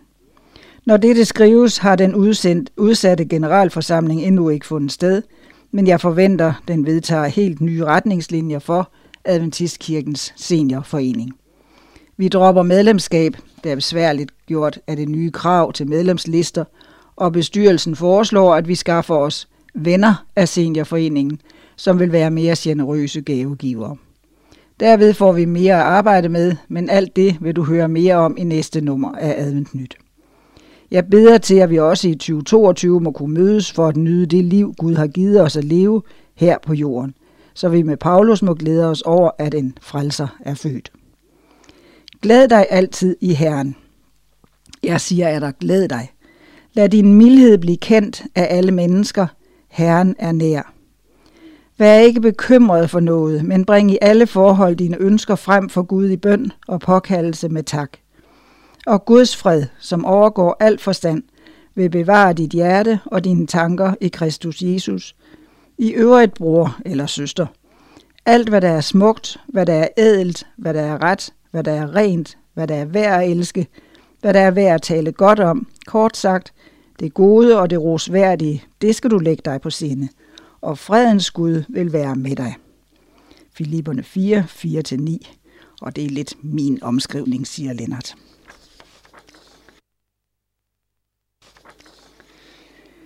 Og så har vi, han drog mod vest, entreprenør af Guds nåde. Det er Walter Hartmann, der skriver det. Ole Melkersen drog fra Hvidovre for at studere teologi ved et adventist universitet men endte med at skabe stålkonstruktioner for amerikanske regeringsinstitutioner, blandt andet porten foran det hvide hus i Washington D.C. I begyndelsen af 1960'erne boede vi i Nordsjælland og havde jævne kontakt med adventistunge i de københavnske menigheder. Oftere og oftere begyndte navnet Melkersen at blive nævnt i forbindelse med spejderliv og andre aktiviteter. Og ved en dåb på Ebenezer i 1962 blev Ole Melkersen døbt af pastor Jens Madsen – og optaget som medlem af Adventistkirken. Sport og mission. Ole var en meget aktiv ung mand, der hidtil markerede sig stærkt på Hvidovres fodboldbaner, men som nu blev mere og mere optaget af at ville gøre mission på en et eller andet plan. Selv drog vi til USA på studieophold i sensommeren 1966, og da vi var blevet vel etableret i studielivet på og omkring Columbia Union College, nu Washington Adventist University, dukkede Ole op sammen, samme sted og begyndte at studere teologi og psykologi. Med en god håndværksuddannelse som kleinsmed i bagagen tjente Ole til studierne ved at arbejde i sin fritid, men han fik alligevel tid til at engagere sig i aktiviteter omkring college og menighed samme sted. Uddannet teolog, men praktiserende håndværker. Ole modtog i 1970 sin bachelor i teologi med psykologi som bifag, men da han gennem sit praktiske arbejde havde fået god kontakt med flere officielle instanser i området, og desuden havde flere arbejdere ansat, etablerede han i 1969 firmaet Columbia Welders and Iron Works i Maryland. Trods travlhed i firmaet havde Ole dog tid til at forelske sig, og siden gifte sig med Gale, der er uddannet lærer. I 89, 1989 flyttede de i fællesskab til New Market i Virginia, og førte virksomheden videre under navnet New Market Metalcraft Incident. Entreprenør af Guds nåde. Om Martin Luther hedder det, at det er vigtigt for ham at understrege, at alle slags arbejde har værdi for Gud. En bonde skal arbejde flittigt på sin jord, en tømrer skal bygge solide huse, en handelsmand skal sælge gode varer til en ærlig pris, en herremand skal behandle sine underordnede retfærdigt, alle skal de se på deres arbejde som en opgave. Gud har betroet dem, og det samme kan siges om Ole og Gale. Da de flyttede deres firma til New Market, var det med tanke på at yde en positiv indsats for den nærliggende øh, akademi. En adventistskole på gymnasieniveau med 200-300 elever. Ole underviser her til stadighed 10-12 elever i at svejse. Kurset giver dem et diplom, så de har mulighed for at søge arbejde og tjene nogle af skolepengene på denne måde og den lokale menighed med 400 medlemmer nyder også på mange måder godt af ægteparets indsats. 30 års indsats til ære for både Gud og Danmark. Ole lægger ikke skjul på, at han er en kristen, og heller ikke på, at han stammer fra Danmark. Gennem mere end 30 år har han nu virket i nærheden af USA's hovedstad, og du kan finde aftryk af hans firma indsats, firmas indsats på steder som Air and Space Museum, White House, Andrews Air Force Base osv. John G. Tower, en af USA's senatorer, udtrykker efter et af de mange projekter. Den professionalisme, tålmodighed og utrættelig entusiasme, som hele dit mandskab har udvist, vil gå over i historien uden sidestykke. På besøg i Danmark. Ole fyldte 80 år i sommer, hvor han også besøgte Danmark. Hans aktivitetsniveau er stadig højt, for som broren Ib udtrykker det, Ole kan ikke holde sig i ro. Hvis ikke han er aktiv, falder han i søvn.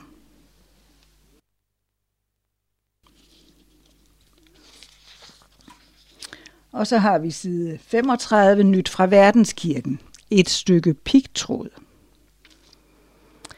Raymond Dabrowski, som flere kender fra hans tid som kommunikationsansvarlig i Transeuropæisk Division, fortæller om et besøg i Auschwitz, en koncentrationslejr i det sydlige Polen. Det var her, jeg opdagede betydning af at stå til rådighed for Gud. I slutningen af 1941 undslap tre fanger fra lejren, og for at undgå yderligere flugtforsøg blev 10 mand dømt til at sulte til døden i en hule under jorden. En af de 10, Franciszek øh, Gajanowski, Sæk, råbte fortvivlet, min kone og mine børn, hvilket fik en præst ved navn Maximilian Kolbe til frivilligt at tage hans plads blandt de 10. I mere end to årtier havde jeg nægtet at besøge Auschwitz, men midt i 70'erne blev jeg bedt om at ledsage Adventistkirkens verdensleder, så jeg kunne oversætte for ham, mens han lagde en krans ved dødens mur. På vej gennem lejren fik jeg øje på et stykke pigtråd, der lå på vejen. Jeg tog det med for at minde mig selv om de tragiske dage, hvor hadet sejrede over dem, der var anderledes. Det var på denne, dette hellige sted, indviet af uskyldiges blod, at min onkel Ansels første kone og to små børn gik til. Jeg tænkte på dette, da jeg sad og talte med ham i hans gæstfri hjem og nød de velsmagende jødiske retter. Det var svært for mig at forstå hans tanker, men han sagde, jeg har tilgivet nazisterne. Jeg har ikke glemt, hvad de gjorde, men det er ikke op til mig at dømme dem. Jeg vil bare ikke tale om det. Det fik mig til at forstå, at tilgivelse er en følgevirkning af, hvad det vil sige at elske. Det var en tilgivende Gud, der fik mig til at følge ham. Min holdning er derfor at være, hvor mine medmennesker er. Mange af dem er fremmede for mig. De ser anderledes ud, men de er søgende og spørger stadig, hvem er denne Jesus? Vil de opleve dig og mig som mennesker, der altid er villige til at ofre alt for at frelse dem? Ole Pedersen, en tidligere Vejlefjord-elev, nu bosat i New Zealand, hvor han blandt andet leder Hope Channel New Zealand, skriver om Selling a Danish to a Dane. Har du nogensinde følt dig fristet til at købe danske kager? Du finder dem i det lokale supermarked. I Danmark kalder man dem bare noget helt andet. Der går de under navn betegnelsen vinerbrød. Opskriften stammer egentlig fra bager i Wien, der under en bagerstrække i Danmark midt i 1850'erne blev hentet til landet for at forsyne danskerne med brød. De bragte en ny opskrift med sig og fik danskerne til at elske det, der i Danmark kaldes vinerbrød. Men internationalt går under betegnelsen Danish. Jeg ved, hvad jeg taler om, for jeg voksede op i Danmark. Min far var udlært bager, og i mine unge dage arbejdede jeg selv en tid i et bageri. Når jeg er på rejse, kan jeg godt lide at prøve den lokale variant af Danish. Det er bare svært at finde den ægte vare. Den er nemlig vanskelig at fremstille. Dejen skal have den rette temperatur, den skal ældes i hånden, og så skal den rulles i tynde lag og om og om igen og blandes med hårdt smør. Hvis man køber en Danish uden for Danmark, kan det blive lidt af en kulinarisk russisk roulette. Ofte er det bare en oversukkeret maskinfabrik, fabrikeret klump. En danisk kan være lidt som de fleste af os er. Vi anstrenger os for at se godt ud, men først ved nærmere eftersyn viser det sig, om vi er en smagløs forfalskning eller den ægte vare. Tænk på Peter. Peter var sikker på, at han aldrig ville fornægte Kristus. Han troede selv, at han var ægte, indtil han fejlede sørgeligt. Vi skal dog ikke dømme Peter for hårdt. Ofte ligner vi ham. Vi kan synes nok så selvsikre, indtil det viser sig, at vi alligevel blot er fejlende mennesker. Som med kagedejen er det kun, når vi lader mesterbageren komme til, og om og om igen fylder os med helligånden, at vi bliver de ægte kristne, som Gud ønsker, at vi skal være. I mange udenlandske supermarkeder kan du købe en Danish, men i de fleste tilfælde er det tunge oversukrede forfalskninger, du finder. I de fleste kirker finder du kristne, men hvor mange af os viser rent faktisk åndens frugter i vores liv. Lad os bede mesterbageren om at forme os og fylde os. Lad os indbyde ham til at skabe noget ægte og smukt i os. Som Danis kan jeg betro dig, at det gør alverden til forskel. De oprindelige indslag kan begge findes på internettet. De er udvalgt og refereret på dansk af Walter Hartmann. Side 36. Det er først tro, håb og kærlighed, men størst af dem er kærlighed, så det er nogle bryllupper og bryllupsdage. Og der er først et billede af Anja og Andreas sammen med Thomas Rasmussen. Det var en fredelig og solskinsrig sabbers eftermiddag den 4. september ved en strand på det nordlige Fyn, da Anja Toft Madsen og Andreas Mikkelsen sagde ja til hinanden. Brylluppet bar præg af parets kærlighed til naturen og til hinanden, og vi ønsker til lykke og Guds velsignelse i ægteskabet. Og det var Thomas Rasmussen, der havde skrevet det. Og så er der et andet billede fra øh, Bulgarien, som Robert Fischer har skrevet, Irene og Richard. Irene og Richard jeg blev vidt søndag den 29. august i Adventistkirken i Tutrakan i Bulgarien. Festlighederne begyndte tidligere om formiddagen på traditionel bulgarsk maner og kulminerede med en hvilelse som eftermiddagen med familie og venner. Vi ønsker, at deres glæde og varme fortsat vil præge deres liv sammen. Irene arbejder som selvstændig, og Richard var indtil for nylig soldat herunder peacekeeper i FN-regi. Vi ønsker Irene og Richard Guds velsignelse. Det er Robert Fischer. Og så har vi en 65-års bryllupsdag. Og det er Else og Bent, Torsdag den 16. september 2021 fejrede Else og Bent Nielsen deres krondiamantbryllup på Solbakken i Randers, hvor Else bor. Det var en god og fest i dag. Vi ønsker dem Guds fortsatte velsignelse. Lisbeth Nielsen. Og så har vi Johan Atle i det er, så er vi nået over til barnevelsignelserne her. Johan Atle i Silkeborg var det barnevelsignelse den 2. oktober, hvor Maria og Stein Vega Holse sammen med familien og menigheden bad for Johan Atle. Det var en smuk barnevelsignelse, hvor både morfar og farfar deltog i velsignelsesbønden Lasse Bæk. Og så har vi Alberte. Kim og Eva har smilet meget, siden Alberte kom til verden den 15. september 2020. Alberte blev barnevelsignet i Vejle menighed sabbaten den 18. september – Familie og venner var samlet og gjorde det til endnu en særlig ceremoni. Menighedens præst bød Alberte velkommen i skaberens navn og takkede Gud for at have velsignet hende med liv. Vejle menighed ønsker Kim og Eva til lykke med den smukke velsignelse. Må Gud bevare og velsigne Albertes liv.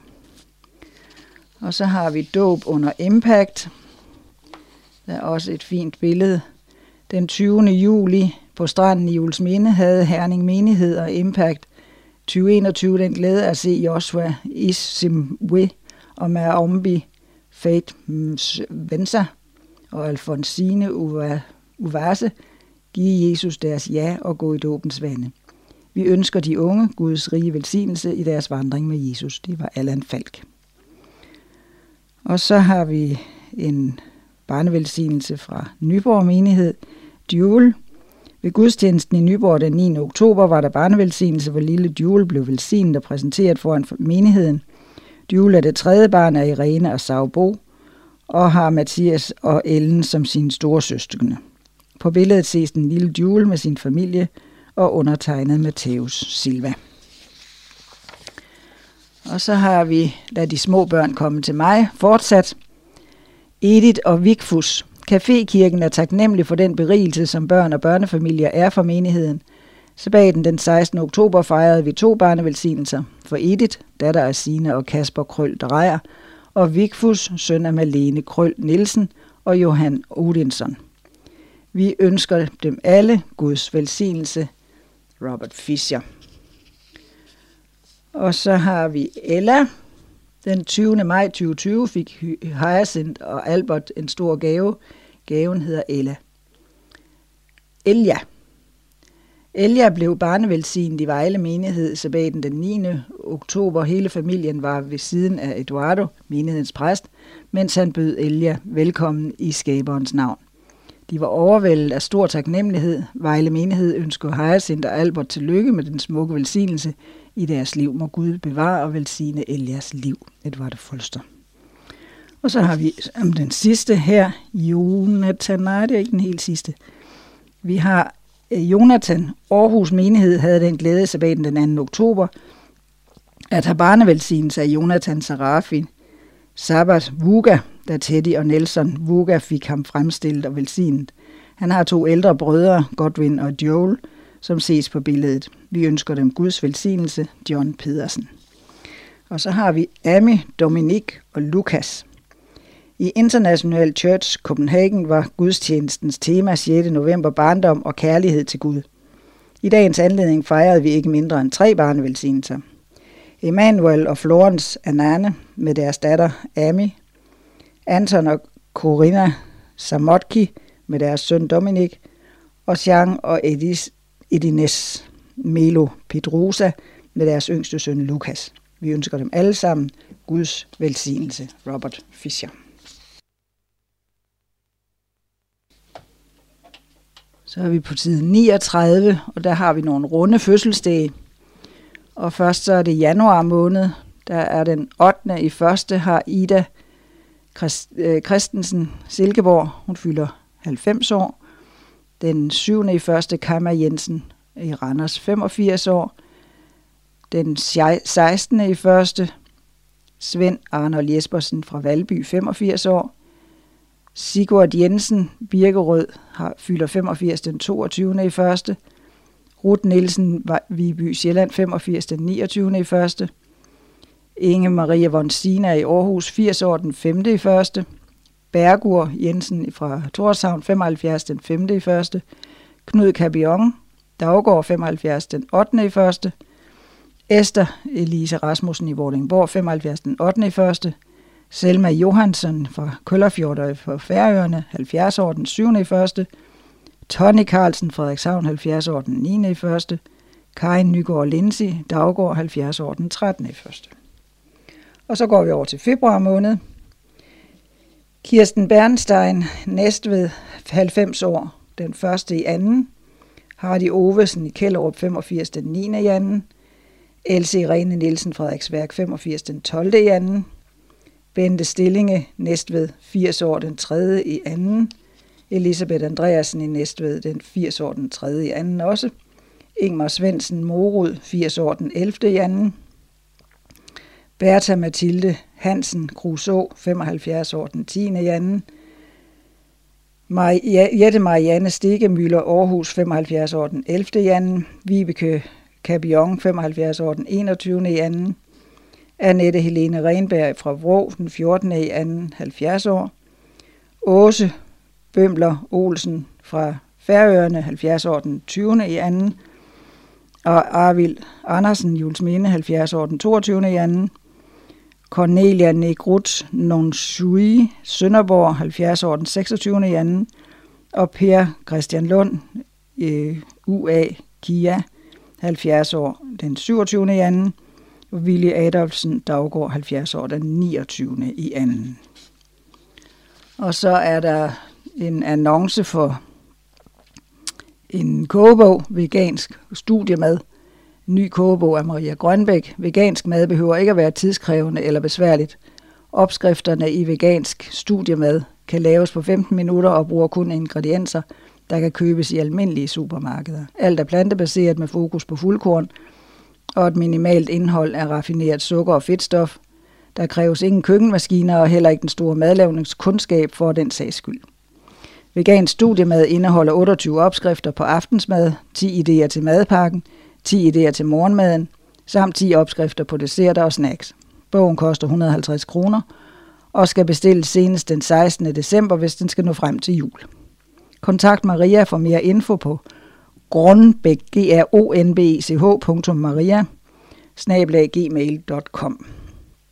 Der er også stadig mulighed for at bestille Marias anden kogebog, veganske hverdagsretter til 280 kroner. Og så er der reklame for øh, sabbatshæfterne.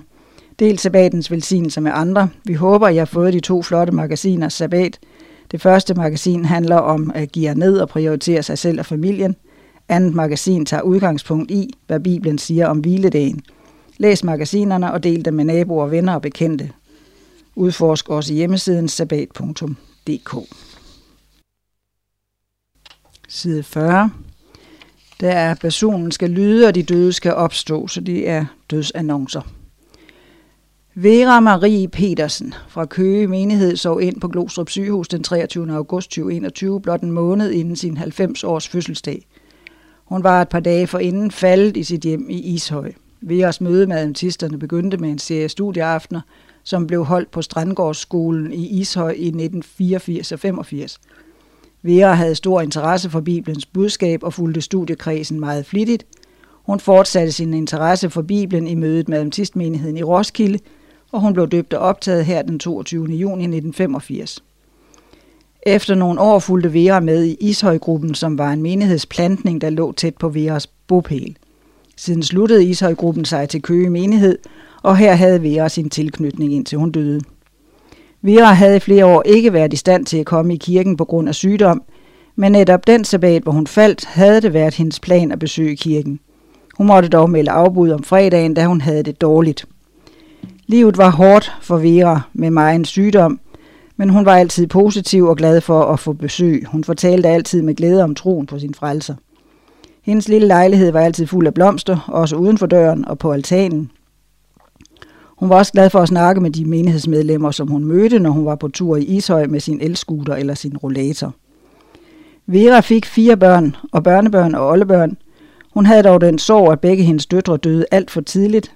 Hendes yngste søn var meget sammen med hende. Han havde brug for hendes omsorg. Han er i stor sorg over at have mistet sin mor.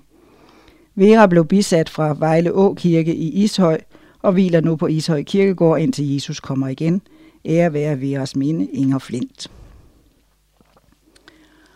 Og så er det Åge Lundqvist. Det er John Pedersen, der har skrevet om det. Åge Lundqvist fra Silkeborg Menighed døde på Solbakken tirsdag den 31. august. Han blev 83 år. Åge blev født i Åbyhøj den 24. februar 1938. Han voksede op i en adventistfamilie og kom fra barnsben i Adventistkirken i Aarhus. Efter realeksamen kom han i lære som isenkrammer i Aarhus Værktøjsmagasin, Karl F. Her arbejdede han hele sit arbejdsliv som sælger. Åge havde altid travlt. Han var målrettet og vidste, hvad han ville, og hvad han stod for som adventist. Han havde en tro og et håb, som han byggede sit liv på. Han var et generøst menneske, udadvendt, livsglad, omsorgsfuld og hjælpsom. Han traf en ung pige, Lisi, en glad og munter pige, som han indgik ægteskabspagt med den 17. maj 1962. De fik tre børn, Annette, Michael og Karsten. Det centrale i Lisi og Åges liv var deres pagt med Gud. Selvom mange opgaver kunne tage Åges opmærksomhed, prioriterede han hustruen og børnene, dernæst menigheden som omdrejningspunkt. Han arbejdede energisk gennem årene for en ny kirke, og anstrengelserne lykkedes. Åge var menigheden en god forstander gennem 45 år. Åges helbred begyndte at skrænte, og for fem måneder siden måtte han flytte til Solbakken i Randers. Her så han stille ind den 31. august, tidligt om morgenen. Han blev bisat fra Silkeborg Advenkirke den 13. september, hvor familie, menighed og mange venner tog afsked med ham. Han hviler nu indtil frelseren kommer og kalder ham til sig på den store opstandelsesdag, hvor han igen skal forenes med sine kære. John Pedersen. Og så har Bent Nielsen skrevet om Edith Massen. Edith Massen sov stille ind i troen på sin frelser på plejecenter Solbakken i Randers den 30. september 2021. 97 år gammel. Hun blev født i Kirkebæk ved Viborg 30. januar 1924, og Edith voksede op i et gartnerhjem som nummer to i flokken af 11 børn. Og derfor måtte hun bruge meget tid på sine små søskende, hvilket hun gjorde med glæde. Selvom Edith havde travlt med sin skolegang og hjælp til hjælp hjemmet, blev der også tid til at gå på arbejde som 11-årig. Efter skoletid gik hun ud på gårdene og hjalp til. Edith blev syvendags adventist, da hun var 16 år. Hun blev døbt af Torvald Christensen. Efter sin dåb rejste hun til Vejlefjordskolen, hvor hun arbejdede i køkkenet for at tjene penge til sin skolegang. Edith tilbragte fem år på skolebænken og fik en god uddannelse som bibelarbejder. Om sommeren tog hun ud og kolporterede. Edith blev gift med Jens Madsen fra Thy i 1949. De fik to børn, Jena og Hubert. De mistede med stor sorg Hubert, da han var tre år. Jens Madsen arbejdede som præst og havde mange ansvarsfulde opgaver, og Edith stod altid ved sin mands side. De blev begge til stor velsignelse for Adventistkirken. Edith Madsen hviler nu ved siden af sin mand på Daggård Kirkegård. Hun efterlader datteren Jena, svigersønnen Øjvind Kvinge, samt deres fire børn, Kesia, Rolf Nikolaj, Karl Johan og Cassandra. Vi har lov at se frem til, at Jesus kommer tilbage for at hente os. Æret være Edith Massens minde. Og så har vi Hanne Spangård Holm. En sabbatsdag den 8. oktober 1960 kom Hanne til verden i Nørregade Tisted. Hun var datter af Karen og Herluf Pedersen, ene pige i en søskendeflok på fire. I en tidlig alder blev hun og familien introduceret for adventbudskabet, hvor Jesus blev grundstenen, hvorpå Hanne han hvilede sin tro resten af sit liv. Hannes karriere begyndte som køkkenpige på Vejlefjordskolen, og i 1983 vendte Hanne efter endt uddannelse tilbage som køkkenleder, og her satte hun de næste 17 år en høj standard med plads til humor og tid til at lytte. Til trods for hendes ledertitel var det kaldenavnet Hannemor, som beskrev den omsorg, hun havde for eleverne. I studieårene på Sjælland fik Frank Holm hendes opmærksomhed. Han var betaget af hendes hjertevarme og smukke smil, og i de første sekunder af året 1983 blev de forlovet. Ægteskabet blev velsignet med fem piger, og i sin levetid blev han også mormor til ti børnebørn. Men Hannes arme har ikke blot omfavnet sin familie. Gennem tiden har hun med sit store hjerterum rørt mange flere med sin omsorg og gavmildhed. Smil blev spredt, bagværk og hjemmestrik blev delt ud. Tid til gode snakke havde hun samt varme til dem omkring hende. Hun havde altid andre for øje. I nærværet af familien sov Hanne stille ind den 7. oktober 2021. Begravelsen fandt sted fra Vejlefjordkirken den 15. oktober. Selv på denne dag mødte Hannes omsorg os, i det hun havde efterladt et budskab om sin tro, håb og kærlighed. Hanne ligger nu på Daggård Kirkegård, indtil vi ses igen i opstandelsen. Ære være mors minde Hannes piger. Og så har vi Tove Petersen, det er Bent Nielsen, som har skrevet det. Sov stille ind i troen på sin frelser den 10. oktober 2021. 92 år gammel. Hun boede på plejecenteret Solbakken i Randers i gode og trygge forhold. Tove blev født på Bornholm den 19. februar 1929 og voksede op på et lille landsted nær og Kirkeby, omgivet af forældre og bedsteforældre og tre søskende. Som ung tog hun til Skodsborg Badesanatorium, hvor hun først tog et kokkekursus – og senere uddannelsen som fysioterapeut, som hun derefter arbejdede med resten af sit arbejdsliv. Hendes liv og arbejde blev dels i Danmark på private klinikker i Aarhus og dels i Norge på Skogli Badesanatorium, på Nordnorsk Rehabiliteringscenter og andre steder. Hun blev kendt for sine gode og helbredende behandlinger. Når folk selv kunne vælge, hvem de kunne få behandling for af, valgte de altid Tove. Det blev ikke blot hendes fysiske behandling, mennesker fik gavn af. Tove havde en god og fast tro på Gud. Hvad hun lærte i sin barndom, glemte hun aldrig. Hendes tro på Guds kærlighed og håbet om, at Jesus snart vil komme igen, var stort for hende. Det betød alt for hende, og hun talte meget med sine medmennesker om denne tro. Hun var et lys i en mørk verden. Tove fik tre børn. Irene, der bor i Sverige, Bente i Danmark, og Jette på New Zealand med hver deres familie. Tove blev lagt til hvile på Gammel Ry Kirkegård. Vi ser frem til opstandelsen og siger på gensyn, æret være Tove Petersens minde, Bent Nielsen. Og så er der Vera Kallesen. Vera Kallesen fra Ringsted Menighed døde i sit hjem 27. oktober 2021. Vera Kallesen blev født 22. april 1927 ved Frederikshåb, ikke langt fra Randbølhede. Her voksede hun op sammen med sine syv søskende – og Guds troen var en naturlig del af hverdagen. Vera beskriver sin barndom som tryg og med mange glade minder. Hun oplevede dog også livets smerter, da hun som barn og ung mistede først sin mor og siden sin far. Vera mødte sin kæreste Martin fra samme egen. De blev gift 6. maj 1950, og de fik 42 år sammen som ægtefolk. Familien voksede med syv børn og siden mange svigerbørn, børnebørn og oldebørn. I 1956 blev Vera og Martin døbt i Esbjerg. Mødet med adventisterne satte mange spørgsmål i gang hos Vera og Martin, men selvom Guds troen var stærk hos dem begge, var der også plads til nye tanker, og beslutningen om at blive døbt og adventist fortrød hun aldrig ifølge eget udsagn. De sidste år blev tunge. Tanken, som ellers altid var så vågen og klar, blev svag og træt, og da Vera sov ind i sit hjem, blev det en afsked, som ikke kun var trist, men også tryg, i det håb om opstandelse og gensyn, som altid havde fyldt meget i Veras liv. Begravelsen foregik fra Adventistkirken i Ringsted og derefter på Ringsted Kirkegård, hvor et meget stort følge af familie, menighed og venner tog afsked. Er at være Vera Kallesens minde. Karl David Andreasen. Side 42. Book en mødeserie. Overvejer I at invitere nabolaget til et arrangement i jeres kirke? Der ligger en bred vifte af korte mødeserier klar til at blive booket. Der er for eksempel temaer om familierelationer, hvordan man læser Bibelen, åndelighed, Jesus i det gamle testamente, en personlig koncert, hvem Jesus var, intelligent design og meget mere. Kataloget med miniserier er sendt ud til alle præster, så benyt endelig denne ressource og planlæg i menigheden, hvilken udadvendt tilbud I kunne tænke jer at gøre brug af. Den enkelte menighed aftaler tid med foredragsholderen. Og så er der parweekend på Hvidekilde den 21. til 23. januar 2022. Giv dit parforhold en gave. Få god undervisning og masser af tid til vigtige samtaler med din partner. Emnerne er blandt andet tilgivelse, intimitet, stabilitet med mere. Tilmelding og mere info på sabus.dk. Og så er der 10 Days of Prayer. De tre engle kalder til bøn. Det er 5. til 15. januar 2022.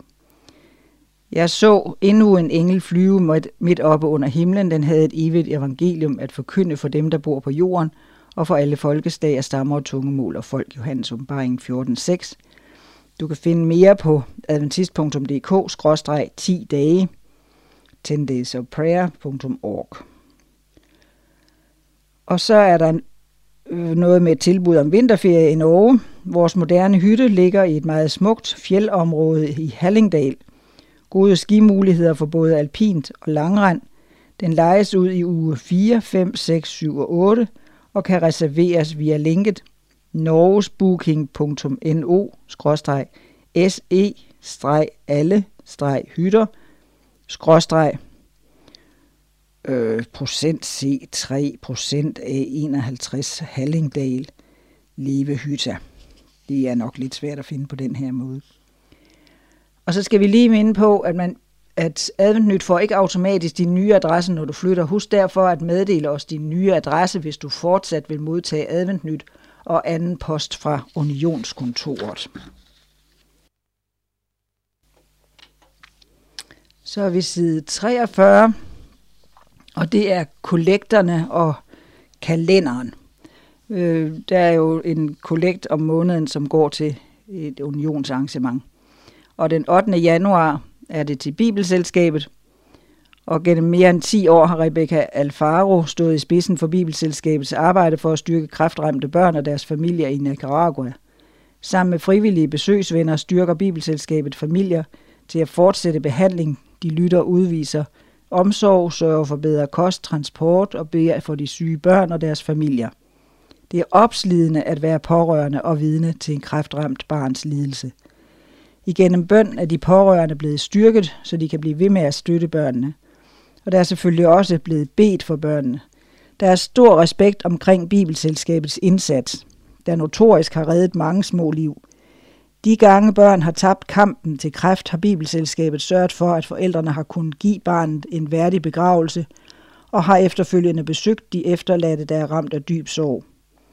Igennem årene har der lyttet en stor ros fra læger og sygeplejersker – som har oplevet, hvordan omsorgen og de konkrete tiltag har givet fornyet livsmod til store og små. Vi håber, du vil give en god gave til Bibelselskabets arbejde den 8. januar. Og i februar, der er det mission på Grønland, og det er Christine Olinsen, der skriver om det. Som det er skrevet nogle gange her i Adventnyt, er vi i fuld gang med at etablere en adventist tilstedeværelse i Grønland.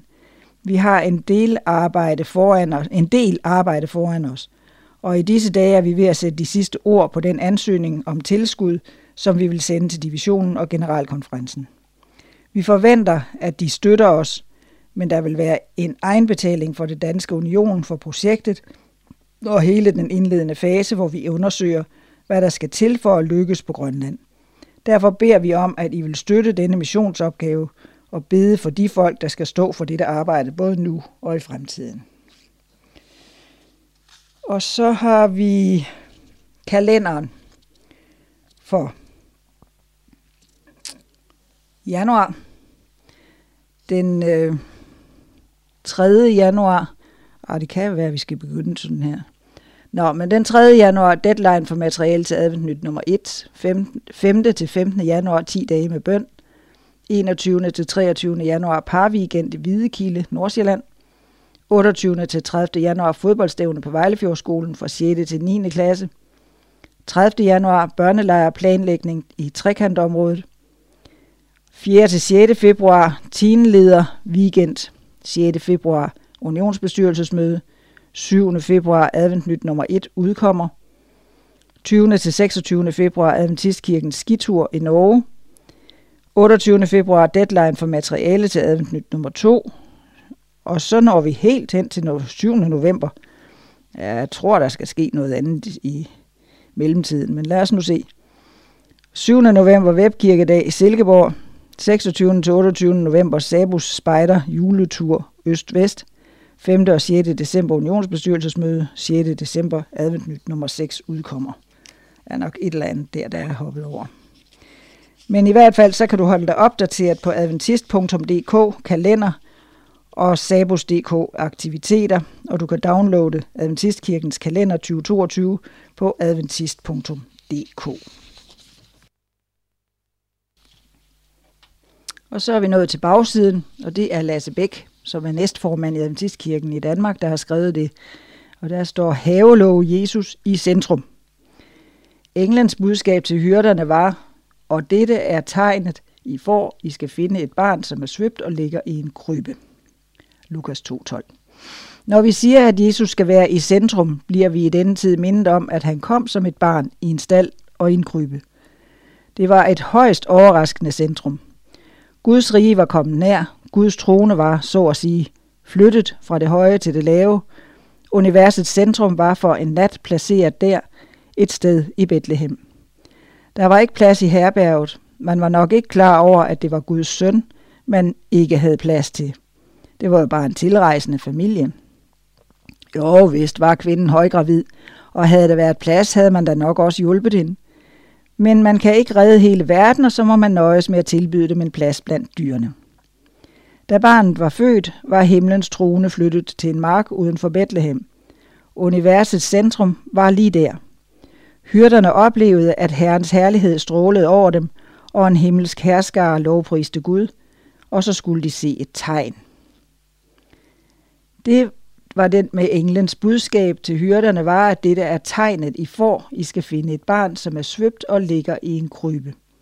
Det var Jesus i centrum. Barnet i centrum. Herrens herlighed, som strålede, og stallens elendighed. Et kontrastfyldt scenarie, der åbenbarer, hvem Gud er. Et selvsomt syn, et paradoxalt tegn. Sådan er Gud. Han kommer os i møde, han regerer verden gennem ydmyghed, og bliver derfor et tegn, der viser os vej til at overraske verden ved at møde den med ydmyghed.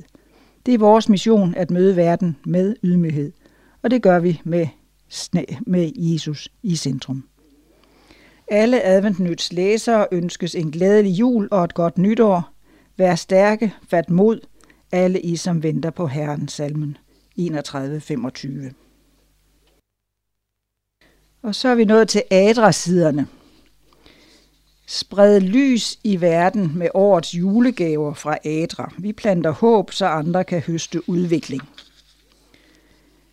Og der er nogle forslag til, hvad der man kan give. Skolesæt til Syrien på 110 kroner. Giv et barn i Syrien de mest nødvendige redskaber for at kunne starte i skole igen. I skyggen af krigen står en hel generation af syriske børn og unge, som har måttet sætte deres barndom og skolegang på standby. Et skolesæt indeholder blandt andet skoletaske, penalhus, blyanter, viskeleder, skrivehæfter og geometrisæt. Du kan også give frø til Sudan, 220 kroner, Giv modstandsdygtige frø til en bonde i Sudan, så han eller hun kan så eksempelvis sesam, vandmelon, tomater, okra eller jordnødder. Høsten giver familien mad på bordet, og med fortjenesten fra salget af overskydende afgrøder på markedet, får de penge til skolegang, lægebesøg og andre fornødenheder. Eller du kan give en ged til Etiopien for 490 kroner. For er en ged til en kvindegruppe i Etiopien, på grund af inflation er det ikke altid hensigtsmæssigt at spare op ved at lægge penge til side. I stedet investerer Adras kvindegrupper i geder, som kan sælges, hvis for eksempel et barn bliver sygt og skal på en sundhedsklinik. Desuden giver gederne renter, fordi de yngler. Du kan også give en vægt til Tanzania, 2.600 kroner. I Tanzania uddanner Adra bønder i landbrug og salg. På trods af deres nye færdigheder og viden, er der stadig folk, som forsøger at snyde dem på markedet. Når du giver en industrivægt til en af Adras landbrugsgrupper, hjælper du dem til at få den pris, de fortjener for deres afgrøder. Således kan de bedre forsørge deres familier. Eller du kan give et hus til Uganda. 11.995. Giv et hus som ramme for et nyt liv til en særlig udsat flygtningefamilie i Uganda. Udover selve huset medfølger et klimavenligt komfur, toilet, bad, køkkenhave, frugttræer og redskaber. Efter at familien er flyttet ind, modtager du et billede af familien foran boligen, samt en hilsen fra dem som tak for den store gave. Køb verdens vigtigste julegave på www.adra.dk-jul. Vi sender dig et flot julegavebevis, som du kan printe ud, skrive en hilsen i og give videre. Du kan også indsætte beløbet på konto 9570 86 88 222 eller MobilePay 123 842. Husk at angive den ønskede gave og mailadresse, hvis du ønsker at modtage et julegavebevis.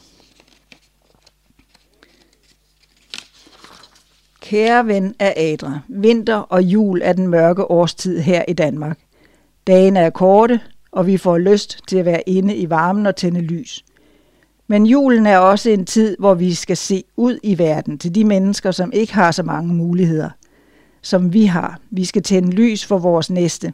Sprede julens lys og glæde. I år kan du blandt andet give grøntsagsfrø, geder og skolesæt til medmennesker i de lande, Adra arbejder i. Tak for din støtte og for at sprede lys i mørket. Glædelig jul, Jens Vesterager. Når du giver en gave, sender vi den dertil, hvor du ikke selv kan komme, men hvor der er allermest brug for dig. Støt din næste i Afrika og Mellemøsten med årets julegaver fra Adra Danmark. Læs mere på www.adra.dk-jul og køb verdens vigtigste julegave.